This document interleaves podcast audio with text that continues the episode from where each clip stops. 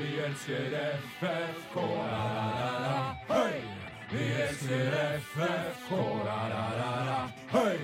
Vi elsker FFK. Motstanderen kommer, og Thomassen roper rødt. Da kommer en svær og dansk jævla kødd. Legger slås foran mål, og ballen den skrudde rett i kassa. Johannes på brassa, leverandør var Ludde. En Russian for Raffen, Tequila for En Russian for Simen Raffen. Velkommen i studio, Simen. Jo, takk. Skål, da. Nå skal vi skåle for at vi endelig klarte å sikre førsteplassen Førsteplassen. Jeg drikker litt først. i Obos-ligaen. Det satt langt inne, Simen.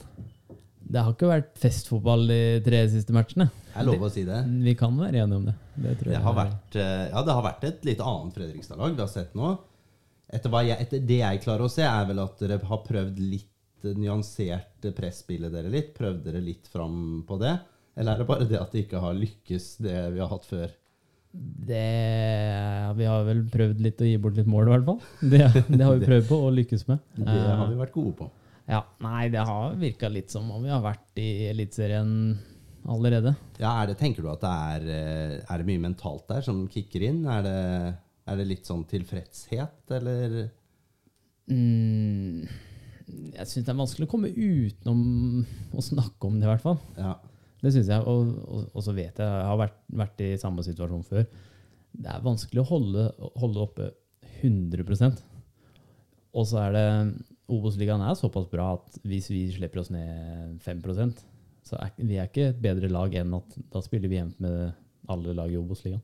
Ja, vi har jo liksom Vi snakka jo litt, eh, litt sånn om det ved sist, i hvert fall. At eh, Sandnes Ulf er jo et lag som på en måte kan slå alle dem i Sandnes. Eh, vi ender opp med å slå dem til slutt i en dårlig fotballkamp. Mjøndalen, det er vel der jeg på en måte var så trygg på egentlig seier. Og der eh, føler jeg at eh, vi og spillerne var litt i samme båt. At den, den tar vi. Men det er et Mjøndalen-lag som er i knallform. Så egentlig så er kanskje ikke det heller helt krise. Og Moss på Meløs, bløt, tung bane, huster i lufta. Det, det er ikke enkelt, det heller. Og kanskje ikke å, å motivere seg de der, den siste notchen opp, den der siste 2-3 prosenten som trengs for å vippe de kampene der i vår favør. Eller skal vi kalle det en fotballkamp i hele tatt, det vi har sett i dag? Nei, det var, det var jo krig, da. Men eh, jeg syns det var ganske tydelig at uh, Moss ville mest ut fra start. Og um, de kriga oss litt i, i senk der, og vi, vi slet voldsomt med å komme inn i, inn i rytmen. Uh, Ja. Så all honnør til, til Moss. Absolutt. Absolutt. Vi skal gå skikkelig inn på kampen, men det alle lurer på, er jo åssen det går med deg, Simen. Åssen går det med benet ditt? Jo, meg går det bra på. Her, her går, det, går det veldig fint, og alt går etter plan. Og eh, spør du meg, så er jeg snart klar. Spør du noen andre, så, så er det kanskje et par måneder ekstra. Jeg hørte Heier var på fotballpodden til FB og sa at eh, ja da, Simen er veldig godt mot. eh, Andre er litt mer eh, Er ikke det veldig irriterende å høre? At noen har, liksom, har bedre peiling på hvordan benet ditt er enn deg? Eh, ingen kommentar. Nei da. Det, det, går, det går veldig bra. Altså, det gjelder å være, være tålmodig. Men man kan ikke bli for tålmodig heller. Så Nei, det må være litt, eh, litt utålmodighet inni der òg. Og sånn som her i podden akkurat nå, hvert fall så driter jo vi i hva Joakim Heier mener om den skaden. Nå ønsker jo vi veldig gjerne å få høre eh, Når tror du du er klar til å trene med ball på feltet? Hvis du skal, hvis du skal gi oss en dato nå? Ehm, Jeg har i hvert fall et veldig tydelig mål om å rekke seriestarten. Ja, Og det, ut fra mine, mine Jeg er så heldig å ha erfaring fra det andre korsbåndet og vet Mm. hvordan det gikk. Eh, og det er jo, jeg sammenligner jo veldig og har Ja. masse bilder og alt sånn. Så det virker jo ganske likt. Men, te men tenker du da at er, du er klar for trening 1. april? Altså full, fullkontaktstrening med ball? Eller er du da allerede hatt fullkontaktstrening i en måned og er klar for spill? jeg skal være med så mye som mulig på den seriestarten. Det, Ja. Eh, Så er det selvfølgelig opp til Mitchell om, om, jeg, om jeg spiller fra start eller ikke. Men eh, Ja, det regner vi jo med. Kan, kan virke sånn på Bekkplass nå at uh, Det hadde ikke vært så dumt. hvert fall, det hadde ikke vært så dumt. nei da, så jeg skal i hvert fall gjøre alt, alt jeg kan for å, for å rekke den, den seriestarten. Og det, det føler jeg meg. Jeg har veldig tro på det. Ja. Men, men åssen har det vært på en måte å sitte nå? Du er jo med på kampene, du er på stadion og, og ser guttene. Og det har gått på en måte etter hvert. Sikra jo et opprykk eh, lenge før slutt. Og så har det vært eh, kampen om førsteplassen etter det. Men åssen er det å sitte på benken, eller på sidelinja, da, med en skade, og se på det der? Det har jo vært eh, helt forferdelig. Men, men så har det gått såpass bra, så det har egentlig gjort det ganske mye lettere å, å, å godta det. For ja, det det var bare én ting som var viktig med det året her, og det var å komme seg opp. Og det, det klarte, vi, klarte vi veldig bra. Og så var det litt deilig at man klarte det såpass tidlig. Så føler jeg at jeg, de kampene som har vært nå i det siste, det, er, det har liksom ikke betydd så mye. Så da, da har det vært litt lettere å ikke være tilgjengelig for dem. Nei, For nå er det jo sånn at uh, sist du var her, var det, var det etter Kongsvinger-kampen? Var det vi Ja. kom fram til? Det var kong, etter Kongsvinger, Uh, slutten av august. 25. august, tror jeg det Ja, ikke sant? Og det er jo uh, Vi har jo snakka litt sånn om eh, vendepunkter i sesongen, og sånn, så har det vel kanskje ikke vært noe sånn Vi har jo vært jevnt gode over sesongen, og så har vi blitt angrepsmessig bedre utover. Eh, men hvis jeg skal ta fram et sånt vendepunkt i sesongen, hvis vi skal sette en dato, så er det jo den Kongsvinger-kampen borte på Hjemslund der. Eh, I hvert fall for meg, som er en sånn en Å ja, fader, nå, nå, nå er vi faktisk skikkelig i førersetet på dette her. Og etter dette så rulla jo bare ballen ganske kraftig, ganske mange serierunder på rad der. Ja, vi hadde en kjemperekke der. Eh, og så tror jeg jo nesten det vendepunktet kunne like så godt kommet hjemme mot Kongsvinger. Mm. Hvor vi leder 1-0 helt til, helt til på slutten her. Ja, det er Adem Gyven. Han har uh, fucka for Fredrikstad før, han, og det gjorde han da òg. Mm. Så hadde vi, hadde vi vunnet den kampen, så hadde vi jo gått til uh, sommerferie med, ja, på topp. da. Ja, ikke sant? Nei, så Vi må jo bare si at uh, vi, vi, hadde, vi har hatt en uh, god vårsesong, eller en, hva skal vi kalle det, en uh, jevn og stabil vårsesong. Og så har høsten gitt oss kanskje mer av de virkelig høydepunktene, men også noen da, litt dypere daler nå den siste tiden akkurat. Ja, det har jo, har jo litt med hvordan vi har spilt, og vi har jo spilt mye mer åpne kamper. Mm. Og da, da, da kan du plutselig gå på tap hjemme mot Mjøndalen. Ja, handler det om at dere forbereder dere også til Eliteserien? Um, ja, nå var det veldig fokus på det defensive fra start, og så har vi sluppet opp mer og mer og mer. Og så har vi kanskje, ja, kanskje gått litt eh, bort fra, fra det defensive. Eh, så vi har slitt litt med å ha to tanker i hodet på en gang. Ja. Men eh, For det, det er i hvert fall sånn Det er mulig at jeg er overanalyserende og ser ting som jeg kanskje ikke egentlig skal se. Men jeg opplever jo at dere har flytta opp den ene midtstopperen, altså ene sidestopperen deres, litt høyere i banen de siste matchene. altså være seg Maxwell, og også Aukland har jo også vært i den rollen som går enda høyere enn han har gjort tidligere. Nettopp for å være et uh, punkt så du kan spille ut midtbanen til motstanderlaget. Er det, er det noe som har vært ekstra fokus på? Um, det, er, det er jo et av prins prinsippene til uh, Mitchell. Mm. Og så starta vi sesongen med, med tre midtstoppere som kanskje var mer midtstoppere. Mm. Mens nå har vi fått inn Maxwell og Philip, som, som er litt mer naturlig.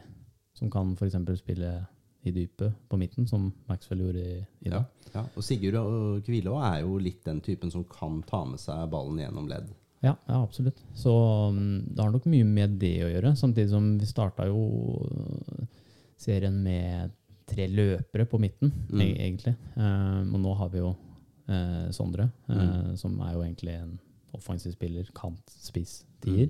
Mm. Eh, Brander, som er jo mer eh, en ballspiller. Så eh, det, har, det har gjort at eh, spillet vårt har forandra seg veldig. Da. Og Mm. at vi har eh, ja, klart å holde, holde på ballen mer i det offensive. For det var veldig mye korte angrep eh, på vårsesongen der. Ja, Det var ikke så mye lange angrep i dag heller, kanskje. Men Nei. Vi skal, vi skal gå øh, og ta den kampen. Vi må Ja. jo det. ja, vi, vi må det. Vi og- må bare gjøre det. Ja, vi satt jo og så, og så matchen sammen her i stad, Uh, eh, Jeg skulle egentlig jeg si det også, da, jeg skulle egentlig vært i Moss i dag. Uh, og så kjente jeg liten, på en liten forkjølelse. Jeg vet ikke om jeg gjorde det egentlig, men Litt sånn om jeg bare ikke hadde lyst til å dra til Moss. Mm. Uh, men eh, for meg å bli flytta bak i den derre Hva er det de kaller det? Klokkesvingen? Den derre lille haugen bak mål der med, mellom noen eh, løpebaner og noe diskosnett. Det, det frista særs eh, lite, til, hvis du har i hvert fall lyst til å se kampen ordentlig. Men all honnør til dem som var der og støtta laget. Det var bra. Det var mye rot før denne kampen, syns jeg. Jeg har forståelse for at Moss reagerte på at øh, 450 nye billetter blir sluppet til FFK-fans og alt dette her. Eh, Jeg hørte på den kråkevingen. De, de sier ikke Fredrikstad. De sier Glommen-folket. Ja, Glomme kaller de Glommefolket. De bruker ordet Fredrikstad, men det er Hvorfor i sånn helvete gjør de det? Ja, men det er sånn mindreverdighetskompleks, det, vet du. Så det, det er helt greit. Det er hjelmen og gjengen. Så det, det tenker jeg, det får, de, det, det får være greit. De har ikke så mye å glede seg over der, der oppe i Moss. Nei. Eh, men eh, når det er sagt, så har jeg forståelse for at Kråkevingen og Mosse-supporterne syns at sin egen klubb har håndtert eh, hele billettgreia på en dårlig måte. Eh, For det, det har de jo. Eh, men eh, de toppa det jo nå den siste uka med det de gjorde da. Og jeg vet ikke, har Moss mulighet for å rykke ned, eller? Ja. Fortsatt? De har, har fortsatt en, ja. ja. eller komme på kvalikplassen. Hvis, Kval Hødd, eh, hvis Hødd vinner ja. og Moss taper, så kan de vel komme på den. Så er det vel en del plussmål i Moss Ja. sin favør, tror jeg. Så Ja, skal, så det skal skal, det skal vel mye til, men vi får inderlig håpe at det skjer. Og få sendt det Mosse-dritten ned. For eh, jeg, jeg ser jo ikke på Moss som en rival, men jeg ser på dem som en forbanna breddeklubb som ikke har noe i Obos-ligaen å gjøre. Så få det ned. Beklager. Det her, eh, nå er det nok. Lei av hele Mosse-greiene. Eh, Jeg syns de undertegnet sin egen dødsskjebne med det røret her. Ned med dem, ned med Thomas Myhre, ned med gjengen. Ferdig. Samtidig så tenker jeg at denne kampen her Det er et sånn godt eksempel på hvor fort det svinger opp og ned. Eh, og sånn som sesongen har vært òg.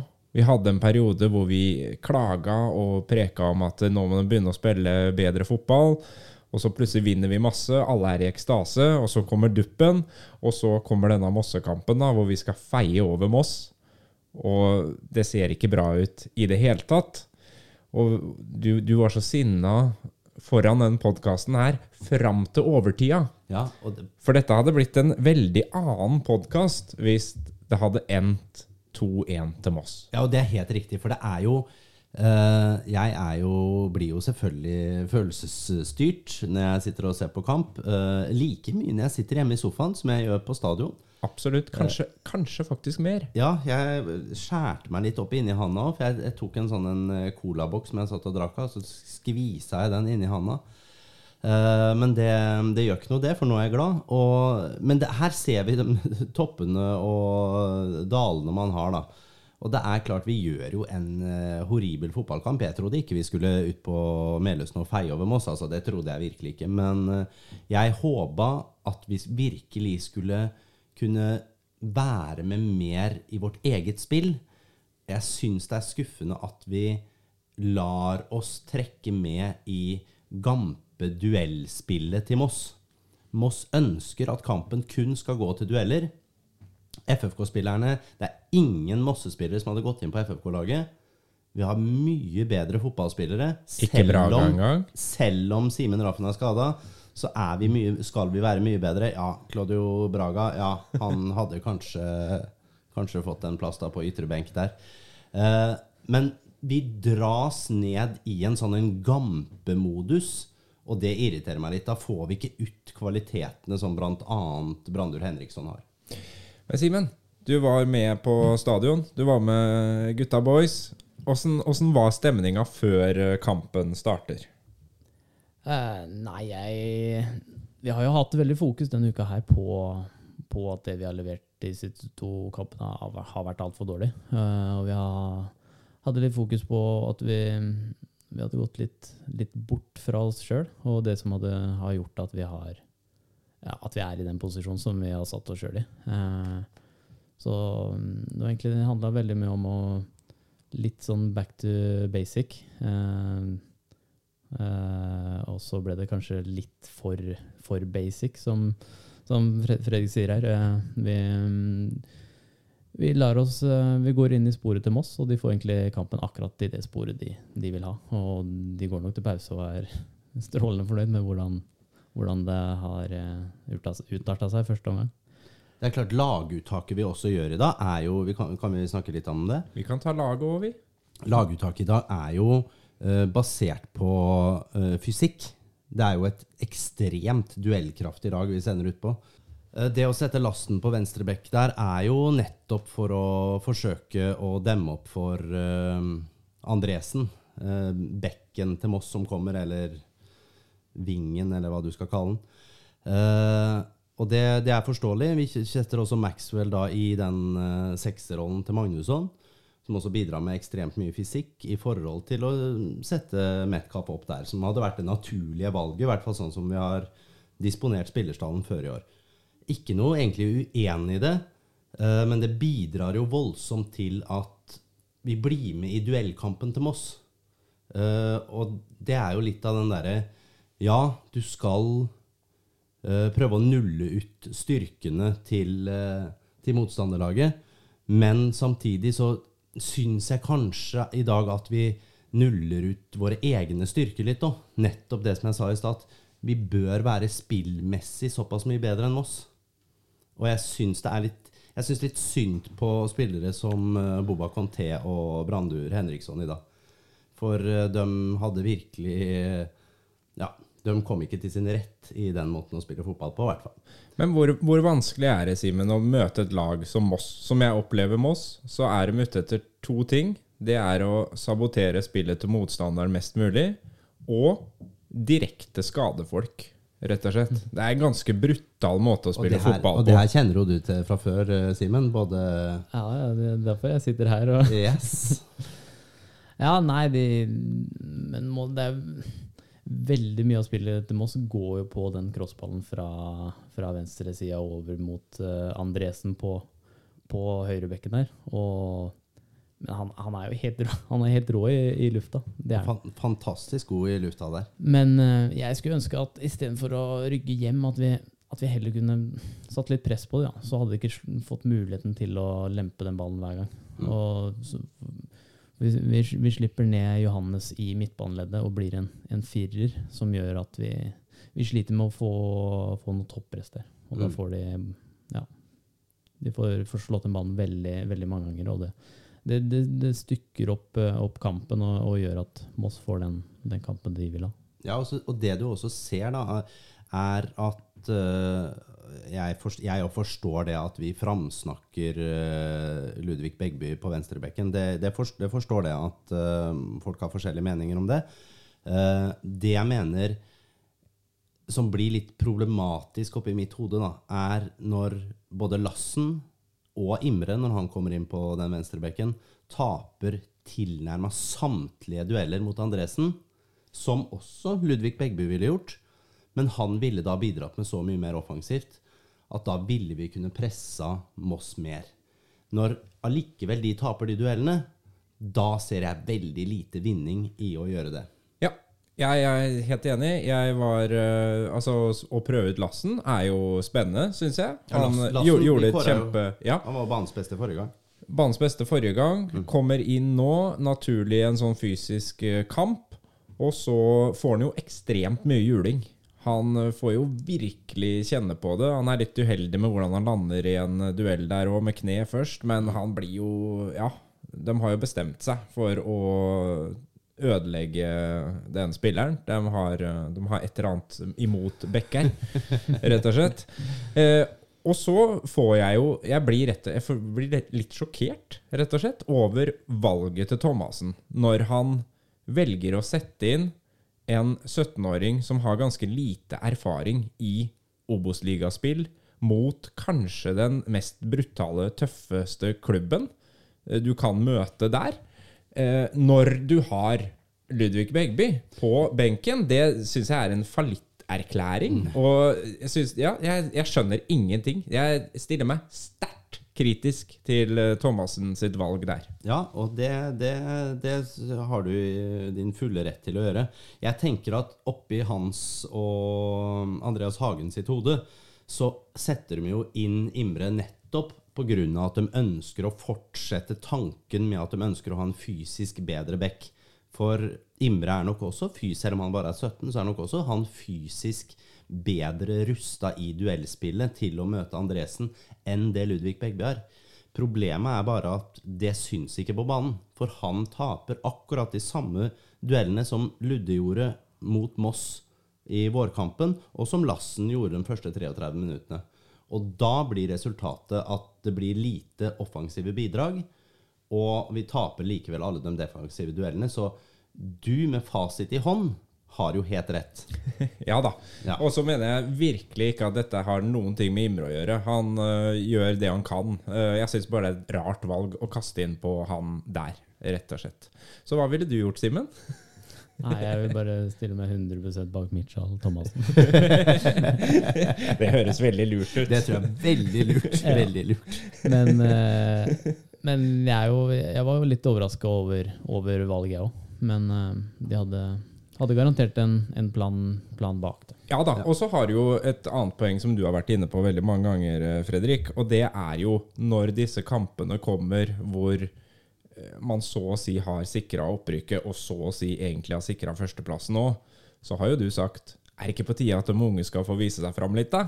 Jo, og det, det, den står jeg inne for. Eh, og jeg syns det er Jeg syns jo sånn sett at det er deilig å se at vi, at vi gir en 17-åring litt uh, tillit eh, i en sånn en match. Det er jo en voldsom erfaring å ta med seg. Du har jo vært 17 år en gang i, i den Fredrikstadsdalen der, du òg, Begynner å bli noen år siden. begynner å bli noen år siden nå. Men det er, det er jo selvfølgelig Han vokser jo på dette her. Selv om han ikke gjør en fantastisk match i dag, så gjør han seg jo heller ikke bort. Nei, jeg syns Imre kommer, kommer godt fra det. Ja, ut fra de, de arbeidsforholdene han får. Ikke sant? Og han får nå være med på en sånn fysisk eh, batalje i forhold til f.eks. Uh, Skeid-kampen borte, som på en måte han eh, får mer prøvd seg i posisjoneringsspillet defensivt. Så sånn sett, kjempeerfaring å ta med seg. Yes. Um, det, er, det er mye å si om førsteomgangen. Jeg vet ikke hvor detaljrikt vi skal gå inn på dette her. Eh, Nei da, vi trenger ikke sånn eh, voldsomt mye. Det er jo, skal vi være helt ærlige, så er det jo en gørr kjedelig førsteomgang. Mm. Moss har jo et eh, skikkelig angrep. Det er et stolpeskudd av Sebastian Pedersen der. Det er vel jeg vet ikke, 18 minutter eller noe sånt. Eller noe sånt. Eh, der er det vel eh, Patrick Metcalf og Brage Skaret som sover litt, eventuelt eh, kommuniserer eh, litt dårlig, så ballen går mellom de to. og hadde han hatt avslutningsegenskapene til sin bror Markus Pedersen, så hadde det vært mål der. Men vi går også til pause, og det er jo sånn at Moss er kanskje det førende laget. Altså Vi har hatt en del ballspill fram til 30 minutter, og så har Moss hatt litt sjanser, eller i hvert fall vært litt frampå, syns jeg, da. Ja, men Det er helt fair at det er 0-0, tenker jeg. Helt greit. Ja. Og så skjer det jo noe så sjeldent som at Michael Thomassen gjør et bytte i pausa. Jeg kan ikke huske at han har gjort det. Jeg vet hva, jeg blir så glad av sånt. Jeg blir så glad når man gjør grep når ting ikke fungerer. Da, det syns jeg er deilig å se.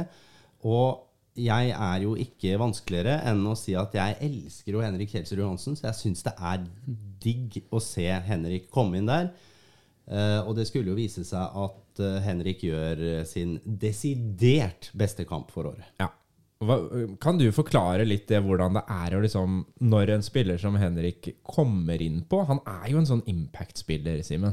Det er jo en voldsom luksus å ha Henrik Kjelsrud Johansen til å spille de siste ti minuttene. Så jeg syns det var veldig, veldig morsomt å se han komme inn i pause. Eh, og har egentlig gått og venta litt på at han skal bli klar for, for 90. For jeg syns han Hver gang han kommer på banen, så blir det skjer alltid noe. Selv om han eh, får den han på venstre hvor han brenner den over Nei, på utafor og, og brenner et par sjanser forrige, forrige kamp òg, men Ja, Han, han har ikke vært, det er lov å si det, han har ikke vært skarp. Han har ikke vært skarp foran mål, men akkurat det du sier, da.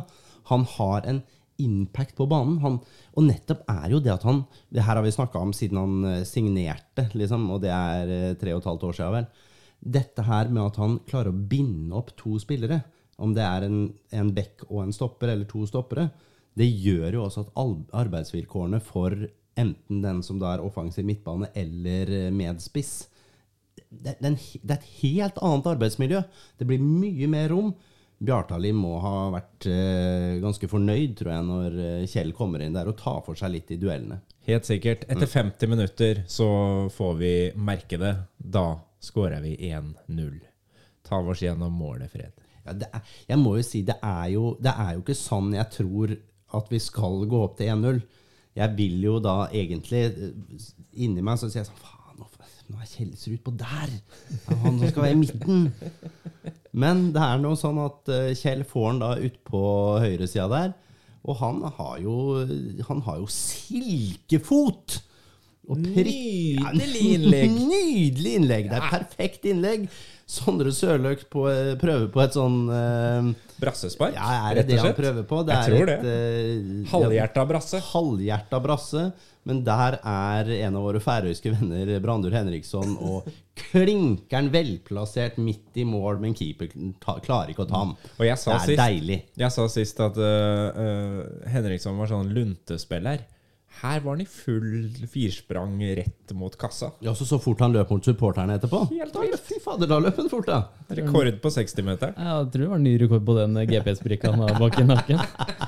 Men uh, han, han dukka opp egentlig litt ut av intet på det målet der. For jeg hadde, jeg hadde veldig fokus på Sondre og tenkte egentlig å, håper han ikke brekker nakken når han lander der. Ikke sant? Og så plutselig kommer Brander og bare løper han inn. Så, Men er, er det, vi har jo sett det litt av Brandur den siste. Har dere snakka, eller jeg vet ikke, Er det sånn som Thomassen snakker mann til mann, eller er det i gruppa? For jeg syns jo Brandur har kommet mer i boks de siste mm, kampene han har spilt.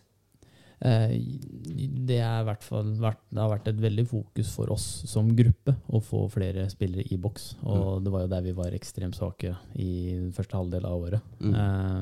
men med, med Sondre inn, og nå som er, har vært veldig flink til å fylle opp boksen. Og nå begynner Brandur å gjøre det samme. Og um, Bobba har vi, jobbes det også veldig med, mye med å få inn i boks. Så vi har veldig fokus på det. For Boba han har jo den derre Han er jo, jeg må jo bare si det, han er jo verdens mest irriterende fotballspiller. Han er jo det. Eh, men det er ikke nødvendigvis for at han ligger så mye nede og ruller og ruller og ruller. Men det går jo på dette her med at han alle klarer å se at potensialet er så vanvittig stort på den gutten. Og så som du sier, da, hadde man klart å flytte spillet hans fem til ti meter lenger fram i banen, for nærteknikk og sånn, det har han jo. Hadde han kommet seg mer inn fra 20 til eh, 14 meter, liksom, så plutselig så har han ganske mange mål, tror jeg, altså, i seg. Ja, jeg er helt enig. Og Mitchell er veldig flink til å Han drar fram statistikk på hvor måla blir skåret fra. og Skal du skåre mål, så må du inn i boksen. Mm. Det er eh, der eh, 95% av måla kommer. Så da hjelper det veldig lite å stå ut på 20-meteren. 20 meter når innlegget går. Ja, for vi som har eh, prøvd å nerda litt på Klaksvik-fotball, eh, vi ser jo det at Michael Thomassen han skårer utrolig mye mål på dødball òg. Så det her er jo, det er jo et fokus han har. Disse, det, han, Klaksvik skårer ikke så Eller under Thomassen, da. Jeg har ikke sett så mye under, eh, under Hosetten. Men uh, han skårer ikke så veldig mye flotte mål. Men han skårer utrolig mange tap-in-mål innenfra fem meter og sånn. Og så er det noen sånne rus, uh, skudd fra Bjartali, da. Men mm. det er veldig mye sånn eh, tap-ins. Som, som da ser du plutselig så har de fem, seks, sju, åtte mann som er pressa helt inn i boks. Og eh, særlig da også på returer fra dødball. Som du klarer det der etterpresset inn. Og det, det er jo noe som Det er helt nødvendig at Fredrikstad utvikler den delen av spillet sitt enda mer når vi kommer til Eliteserien. For nå er vi stort sett det beste sånn spillmessige laget i Obos-ligaen i forhold til alle vi møter. Kanskje med unntak av toppnivå til Start, som også har et, eh, har et høyt eh, sånn spillnivå.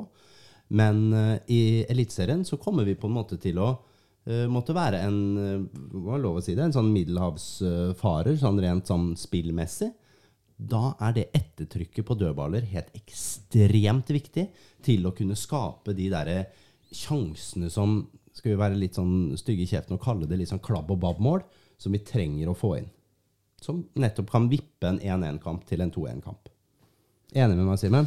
Helt enig. Godt, eh, godt resonnert. Og Skal være trener, du. Jeg er veldig- jeg- Det tror jeg er veldig bra jeg ikke er, for da hadde det blitt mye sånn folk som har blitt bytta etter fem minutter og sånn Hva helsike, få av det der var greiene så der. sinna i Og stad at jeg var Og tenk så mye røde kort. Jeg hadde fått så mye røde kort jeg, på sida der. De dommerne hadde jo Thomas Myhre, ingenting i forhold til sånn du hadde oppført deg. jeg, hadde jo, jeg og Thomas Myhre hadde ikke vært hyggelige med hverandre på sidelinja. Det kan jeg si med en gang. Men, men eh, Michael er ganske rolig, eh, selv når det står på som verst. Eh, Det snakka vi om sist gang, at han, han vinker liksom spillere til seg. Eh, Og tar de der eh, beskjedene litt sånn ja, én til én. Han, han stokker veldig mye og bærer seg helt gæren på sidelinja. Åssen type er han under kamp, vil du si? det er litt morsomt at du spør om det nå, egentlig. For jeg og Stian satt og så kampen, og, og Stian spurte, spurte meg hvordan er egentlig Mitchell under kamp. Og jeg hadde egentlig ikke tenkt på det, så vi, det var en fem-ti minutter, minutters periode vi brukte på å bare studere Mitchell. Og vi kom egentlig fram til at han er ganske rolig, altså. Ser, eh, og så var det jo akkurat den situasjonen der eh, Boba mista ballen som, som bakerste mann, nesten. Men han tok det også veldig pent, altså. Ja, ja for jeg, jeg er også, han ser rolig ut, men jeg har jo Nå sitter jo jeg såpass nærme der på hjemmekampene, og selv om han er rolig, så må det jo være lov å si at eh, han gir noen ganske klare beskjeder, og han snakker ganske høyt til spillerne når de kommer nærme. Boba Conté og Sondre Sørløk og Håvard Aasheim i løpet av Ja sesongen da, har de, fått de har noen fått mye. fått noen skikkelige så, så det er en trener som ikke er redd for å si ifra, altså. Nei, det er på ingen måte. Ja. Og så er, det er en litt sånn supportergreie at uh, man vil jo ha ah, Hvorfor uh, gaper ikke treneren mer? Ja. Men i løpet av en kamp så er det, det er veldig lite man hører fra sidelinja. Så det er, liksom, det er veldig lite man kan coache sånn sett. eh, med mindre du er uh, høyrebekk og spiller på sida der. Og har den tett inn i øret. Da, da kan du høre det. Men eh, Mitchell er jo, han er jo fa erfaren, så han vet vel kanskje, kanskje det at det er begrensa hva man kan coache på i løpet av en kamp. Ikke sant. Mm. Eh, vi er nå på det 50. spilleminutt, og så går det jo da bare fire minutter. Så kommer jo da et eh, frispark fra Moss, som blir slått inn i feltet. Og der er Patrick Metcalf. Og hva skal vi si? Lårer den ballen i eget mål. Det er jo Ja, veldig Altså, Ja, veldig uflaks, Ja, rett og da, han treffer den i hofta, og så er det vel litt sånn at det en, en, han kommer i en vrien situasjon. Det er ikke en stor Det er ikke et stort Det er ikke en stor tabbe. Uh, han tror vel at uh, Mats kommer til å nå med huet. Eh, og er vel ikke forberedt på, på ballen sånn, men som forsvarsspiller der så skal du jo uansett sikre deg for ballbanen. Uh, og jeg sier igjen, jeg skal understreke at jeg syns ikke det er noe tabbe. Men jeg syns fortsatt at man kan kanskje være litt mer overvåken på at ballen kommer i en nøytral bane. Det er ingen deflections noe sted på den ballen. Uh, og han treffer den i hofta, og ballen går inn i lengstehjørnet der. Og ja, det er sånn som kan skje. Det er greit. har du skåra noe sjølmål? Eh, bank i bordet faktisk ingen. ingen. Har du ingen? Nei, jeg har faktisk, faktisk ikke det. altså. Tenk deg det. Det er det, det, er der prek her òg. Vi må ikke snakke om det. Vi må ikke Nei, jinxe det nå. Vi må ikke jinxe dette. Det er jo nok, skal vi gå videre? Hva har du i kjøreplanen her? Vi kan gå videre. Tenk deg ikke en eneste sjølmål. Nei, det Det er er, jo- ja, ja. ja, det er, nei, det er imponerende. Yes. Og så, og så gjøres det jo noen eh, bytter Ja. uh, underveis her. Uh, både på Moss, men uh, Aga kommer inn for eh, Sørløk. Og Begby kommer inn da for eh, Brage Skaret. Nei, nå har jeg hoppa over målet. Herregud. Etter 60 minutter. Kan vi ikke bare hoppe over det? Kan vi ikke hoppe over det? Jeg foregriper begivenhetene. Etter 60 minutter Jeg ville ikke snakke om det. Nei. Det er det. Ja. Jeg kan si én ting. Og det er at jeg jo hørte Heier eh, snakke om eh, Håvard Jensen, og at han eh, har fått kontrakttilbud, og at han ikke har skrevet under. Eller som Heier sa, hvorfor han ikke har skrevet under ennå, det får du spørre han om. Hadde jeg vært Håvard Jensen, så hadde jeg angra litt på at jeg ikke allerede har skrevet under den kontrakta nå. Det kan jeg si. Hadde jeg vært Håvard Jensen, så hadde jeg det første jeg hadde gjort på mandagsmorgenen nå Jeg hadde vært der før klokka sju og så bare stått utafor den resepsjonen og venta. Her er den. Her er den. Banka og banka, banka, banka, banka, banka på den døra. Og sagt sånn Vet du hva, jeg tror kanskje jeg signerer den kontrakta likevel, jeg nå. For det Det er jo, det er jo sånn det at er- alle keepere har eh, noen tabber i løpet av en sesong, men dette gjorde ekstra vondt, og så ekstra keitete ut. Det må vi kunne si. Ja, altså, man blir jo litt sånn Jeg, jeg forstår det at uh, hvis du Alle kronikker og alle fotballeksperter og sånn har jo på en måte Man har definert hva de forskjellige spillerne er gode, og hva de er dårlige på. Eh, Håvard Ensen har fått på seg kanskje et litt ufortjent dårlig rykte med beina. Det er det som blir snakka om. Hvorfor spiller ikke han på et høyere nivå? Nei, han er ikke så god i feltet, og han er grusom med beina. Uh, og så er vel kanskje sannheten et sted midt imellom. Ja, Håvard er ikke verdens beste keeper i feltet, men han er ikke så forferdelig dårlig med beina som folk skal ha det til, altså. Eh, men så kommer jo selvfølgelig sånne situasjoner som i dag, som ikke gjør de kontraktsforhandlingene til Håvard Jensen noe enklere med Fredrikstad, hvis han vil prøve å presse den månedslønna si oppover. Åssen var det å sitte der og se det, Simen? Det gjorde vondt. Og det er jo lagkamerater, men det er jo også kamerater. Så eh, du så jo på Håvard at han, han syntes jo ikke det var, var noe gøy. Og selvfølgelig heller ikke når det er i hjembyen hans. Ja. I, som, eh, så han, eh, han var i hvert fall veldig glad etter, eh, etter kampen i garderoben. Og retta en stor takk til eh, Henrik hallen. Det skjønner jeg. Ja, og det er så jævla Faen, jeg beklager språket, men det er jo så Håvard er jo verdens beste fyr.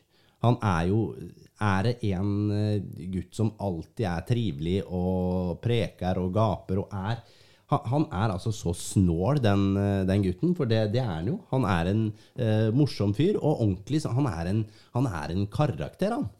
Det, er, det må jeg bare si. Det er han. Eh, og han unner, unner han alt godt. Hadde ikke Fredrikstad gått opp i år, så hadde jeg liksom ønska at han skulle fått oppleve eh, eliteseriespill, eller som Håvard drømmer om, spill i Superligaen i Danmark.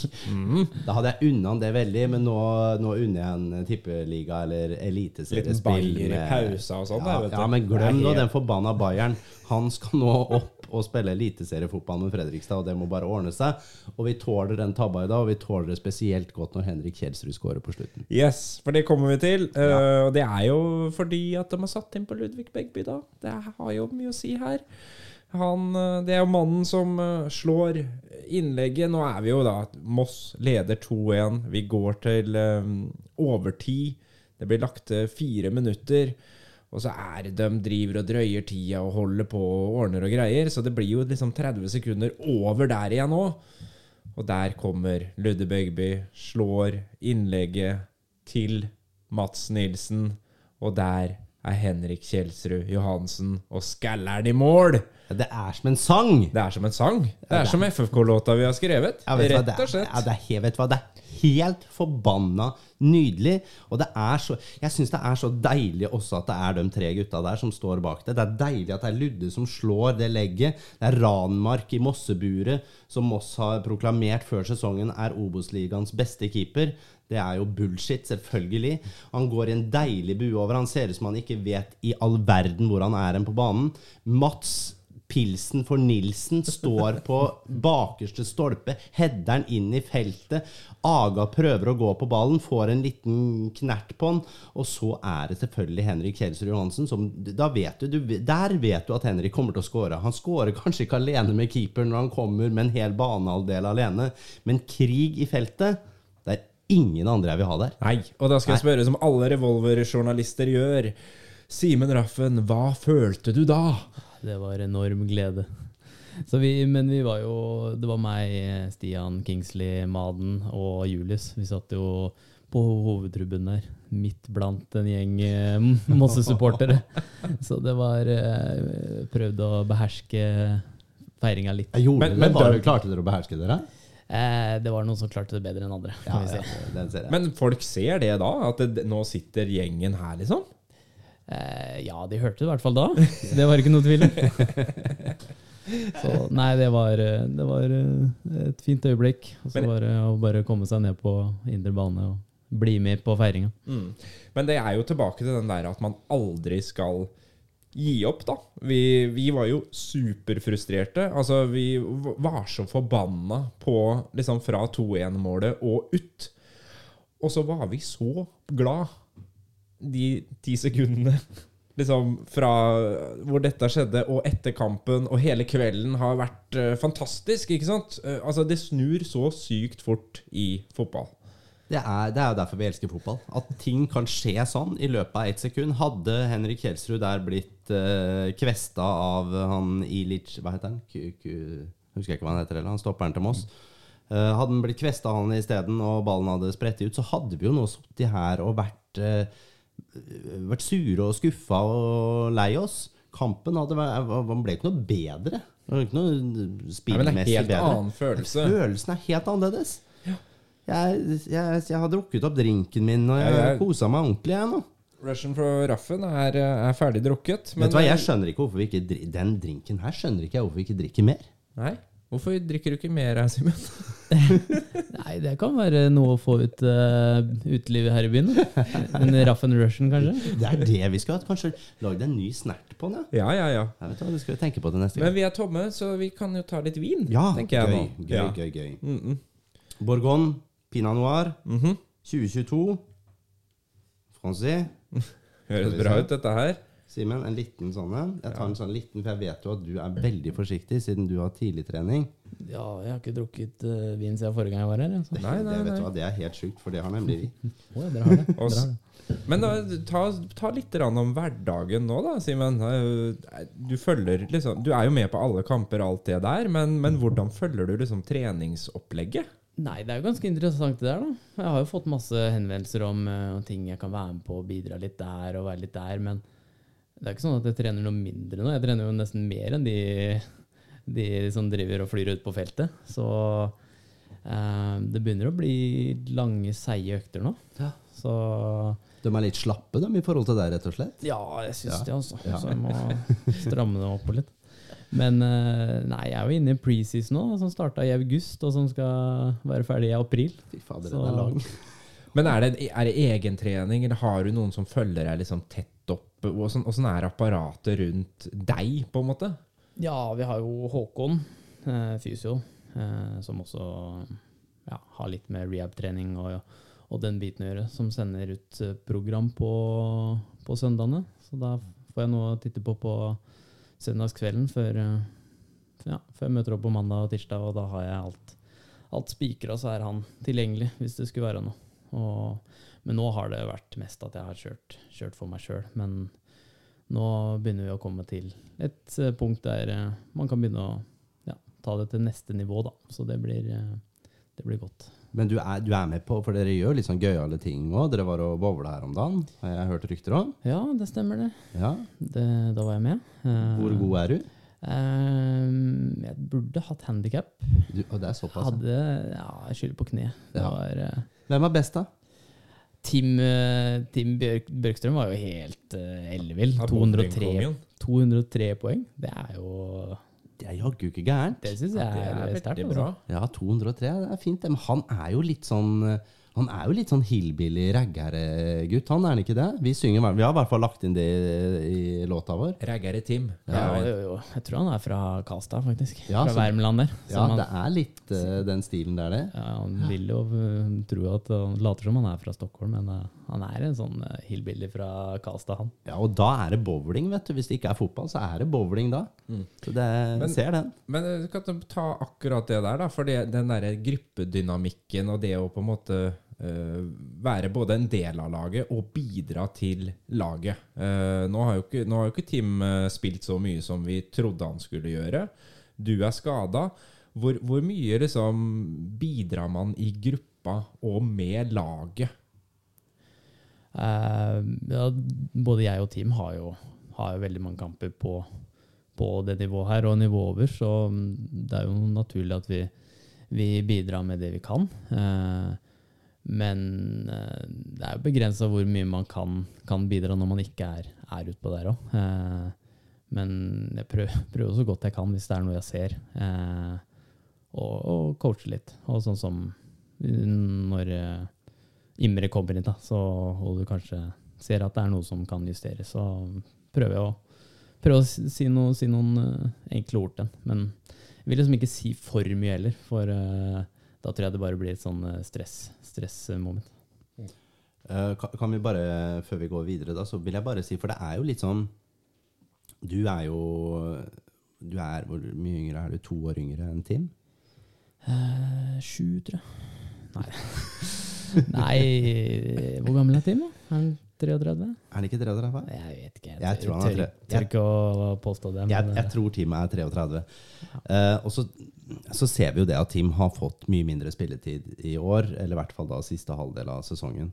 Uh, jeg er jo sånn at uh, hvis jeg klarer å få med meg juniorkamper og annetlagskamper og sånn, så ser jo jeg veldig ofte at eh, Tim er jo der.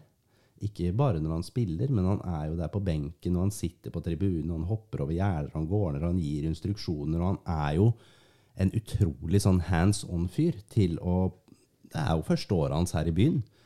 Eh, hvis det nå er sånn at Tim på en måte ikke er med i en førstelagstanke til neste år, tror du at Tim kan være aktuell i et trenerapparat, og gjerne da ned mot uh, utviklingsavdelingene?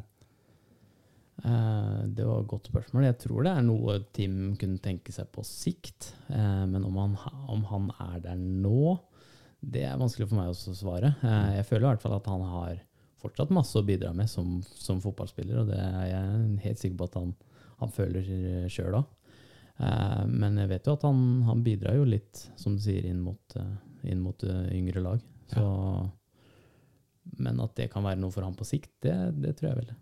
Jeg, jeg hadde nemlig veldig gjerne ønska å sett Jeg vil gjerne ha Tim i stallen til neste år òg, men jeg tror sånn som eh, forsvarskonstellasjonen er nå, med såpass mange også yngre gode stoppere, så tror jeg at Tim, som han gjør nå, stiller litt bak i køen. Og nødvendigvis ikke kommer til å få så mye spilletid. Men jeg vil gjerne ha han der. Men også at han kunne i tillegg vært knytta opp mot uh, de yngres avdeling. Og gjerne kanskje til og med helt ned mot uh, 14-årslaget. Og hatt inn en sann type kapasitet der, tror jeg hadde vært genialt for Fredrikstad fotballklubb. Helt klart. Han er 32 nå. 32 nå. Egentlig så har han jo, som stopper da, så har han jo egentlig gode tre-fire år igjen. Ja, ja. Han er født i jan januar, så han blir 33 i januar neste år. Bare unggutten, da, jo. Ja, Bare unggutten. Men uh, vi skal ta en smake på den vina før vi går på spillerbørsen. Vi tar en liten bit. Mm. du, du bare drikker. Vi prøver å skåle og ha det hyggelig. Ja, men dere, dere preker så mye, så jeg har fått litt ekstra her, jeg nå. Ja Den var ålreit. Den var ålreit. Den var ålreit. Mm. Den er litt- Den er litt tørr ettersmak. Jeg er ikke så glad i det. Nei, jeg vet hva, og jeg Han, vet han glir ned, altså. Det Jeg ikke det. husker ikke hva han ligger på i pris heller. jeg. Hva syns du, Simen? Jeg syns den smakte akkurat samme som den forrige, Ja. forrige gang jeg var her. Det er litt morsomt, for vi hadde den samme Nei da. Å, det har vært gøy nå. Uh, nei, vet du hva, jeg syns den var helt grei. Jeg skal jeg tippe, så tipper jeg den ligger på rundt uh, 200-lappen. Er det sånn Sverigevin? Ja, det er en Sverigevin. Ja, Ja. En svenske. Sikkert 200. Eller- Det er det man pleier å legge seg på i Sverige. Ja, det er noe i den uh, Ja da. Det er det sjiktet der. Helt, eh, helt ok. Um, Det var ikke opprykksvin, opprykksvina. Nei, hvis du skal, som vi har snakket om før, hvis eh, på en måte benchmarken skal være at du skal imponere dama, da må du gå for noe bedre. Yes, da går du for noe bedre. Ja. Vi går på spillerbørsen. Oh yes. Håvard Jensen. Nå har vi vel snakka nok om det. Eh, vi har skrytt så utrolig mye av deg i den poden her. I dag så må du rett og slett trekkes eh, veldig mye, og det, det, går, det går selvfølgelig på at du gjør en helt enorm tabbe, men, men det går også på at det er For tiden så er det også sånn du tar heller ikke noen baller som du på en måte ikke skulle tatt. Skjønner, du, skjønner dere hva jeg mener da? Jeg skjønner hva du mener da. Det er han, han tar akkurat det han må, men ikke noe mer enn det. Uh, og med en tabbe da, så detter vi rett og slett ned på Jeg er så hard for tida. Jeg detter ned på en toer. Ja, men det gjorde Fredrikstad Blad òg. Gjorde de det? ja? Ja. Nei, men da, da det- er vel jeg og Dere er helt på eh, Bolstad? Bolstad, Jeg tror det var Bolstad i dag. Bolstad, ja. ja. Men Bolstad er jo Bolstad er flink, så da, da tenker vi at det er greit. Se, og så ler Simen og sier Bolstad er flink. Ja, det var et indirekte stikk der, eller? Ja, nei, Bolstad er super. Nei da, vi snakka om sist at eh, Erik Pedersen var så kjekk. Ja, Og, Også, og da kan vi jo si at uh, Bolstad er flink, ikke sant? ikke sant? Ja. For da trenger vi ikke å si noe mer om Nei. Nei, jeg vi går da- da er vi vi går med videre. Vi går videre. Nå hørtes det, nå hørtes det kjempeironisk ut. Jeg mener det at eh, både Christian og Erik og Joakim er kjempeflinke, og ikke minst Vidar. Kjempebra. Og kjekke. Og kjekke. Der er nok, der, men der er nok Erik P. kjekk. Det var det prøvde, det var det jeg prøvde å komme fram til. Ja, det er nok kanskje sånn. Ja. altså. Sånn er det bare. Uh, skal vi se, skal vi gå videre fra Håvard, og så kommer vi opp på Patrick Metcalf. I dag er ikke dagen for Patrick.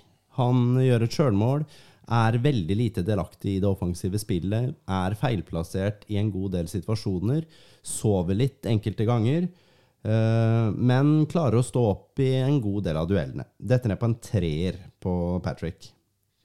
Du hører hvor hardt det er, Simen. Ja, jeg skal ikke høre på den podkasten der når jeg spiller, i hvert fall. Nå, nå blir det litt bedre. Eh, Mats Nilsen syns han gjør en OK match. Han, jeg har sett den bedre, i hvert fall i plasseringsspillet. Men han får den assisten på slutten. Det gjør at vi bikker den opp fra en femmer og opp til en sekser. Uh, Aukland spiller seg opp utover i kampen. Rota litt i starten. Var uh, litt uryddig i, i oppspillsrollen sin. Uh, detter ned på en eh, femmer. Og så har vi Brage Skaret.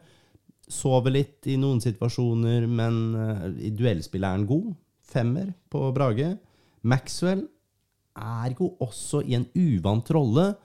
Eh, jeg syns jo han er kanskje bedre enn Julius til å forsere med ball. Eh, men han har nok kanskje ikke den samme på en måte oversikten i radiospillet sitt som det Julius har. Han får også en femmer. Mikkel Lassen han ble jo kvesta gang på gang på gang på gang, så han skulle jo egentlig bare fått en høy sum, rett og slett pga. at han eh, må ha det vondt nå.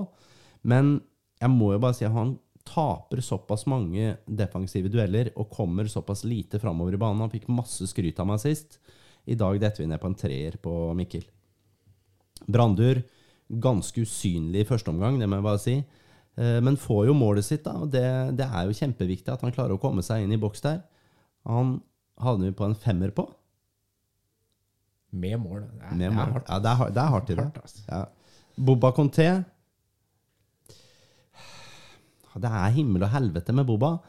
Han eh, har jo noen lekre detaljer der, og så gjør noen sånne hinsides irriterende greier innimellom. Mannen som blir skada når han skal gjenvinne en ball han har mista sjøl. Ja, det er litt sånn. Ja. Han får en firer. Sondre Sørlø kommer ikke til sin rett i dag. Det er en svak, svak kamp av Sondre. Han er rett og slett ganske ute av form for tiden. Han får en treer. Eh, og så er det Johannes Bjartaloy. Han får en femmer. Har sett den bedre, men han er jo Han er jo en fantastisk fotballspiller, så han, vi ser jo prov på at han virkelig kan. Henrik Kjelsrud Johansen. Ti. Du hørte det? Det var kunstpause. Simen spiller inn ti! Og- og Jeg, jeg kan ikke gi en ti, Simen. Nei, greit. Det er greit. Men han, han- han, blir så Jeg kan gi den en åtte. Og da er vi helt enige, for han får en åtter. Ja. Henrik Kjelsrud Hansen, banens beste spiller. Jeg driter i Claudio Braga og Andresen og dem der. For jeg gir ham banens beste, ikke bare FFK-spiller. Banens beste spiller. Henrik Kjelsrud Johansen, åtte. Jævla bra. ja. Imre Beck Hermansen, jeg syns det er gøy at du får tillit og får prøvd deg. Jeg syns du gjør en helt ok jobb. Jeg detter ned på en femmer på Imre i dag. Ludde Begby, du regisserer det siste målet. Ellers så hadde du kanskje vært på en femmer, men jeg deg opp på en sekser pga. den. Det er deilig å se. Oskar Haga, du gjør dessverre ikke så mye ut av deg når du først kommer inn, så du får en firer. Håvard Aasheim, du spiller fem minutter i dag. Det er fem kjempegode minutter. Syns eh, det er litt lite å gi poeng etter å bare ha spilt fem minutter. Nei, men hvorfor ikke? Men Håvard. pokker, pokker heller, Håvard. Eh, Skal han, få, skal han få poeng på fem minutter? Ja, jeg syns det. Sjuer til Håvard på fem minutter. Sjuer. Det er bra, det. Forsvarer det. Det var spillerbørsen. Og apropos det her med liksom form opp og ned, sånn som Sørløk, da, som har vært i knallform, og som nå har en liten dupp igjen. Mange andre spillere har det. Og litt i forskjellige perioder, Simen. Åssen er det der? Noen er jo liksom helt klare når sesongen starter. Andre trenger å komme i gang. Men så går det liksom hvor, hvor, hvor, Kan du forklare den derre formkurva til spillere? Eh, Det er, det er vanskelig å beskrive, da, men det er jo en egenskap, det òg. Å, å kunne, kunne time det og, og holde seg oppe. Og så er det til og med, til og med Messi og til og med Haaland har jo en måltørke. Så, så det, det er jo en, en del av spillet. Eh, og så er det selvfølgelig mm, med, med kamper og kampbilder, og nå har vi jo som vi har vært inne på, så spiller vi litt annerledes nå enn vi gjorde for bare en fire, fem, seks kamper siden. Uh, og om det kanskje har gjort at Sondre ikke helt uh, får frem sine styrker eh, mm, Det er mulig. Eh, men, men det er et godt spørsmål. Da.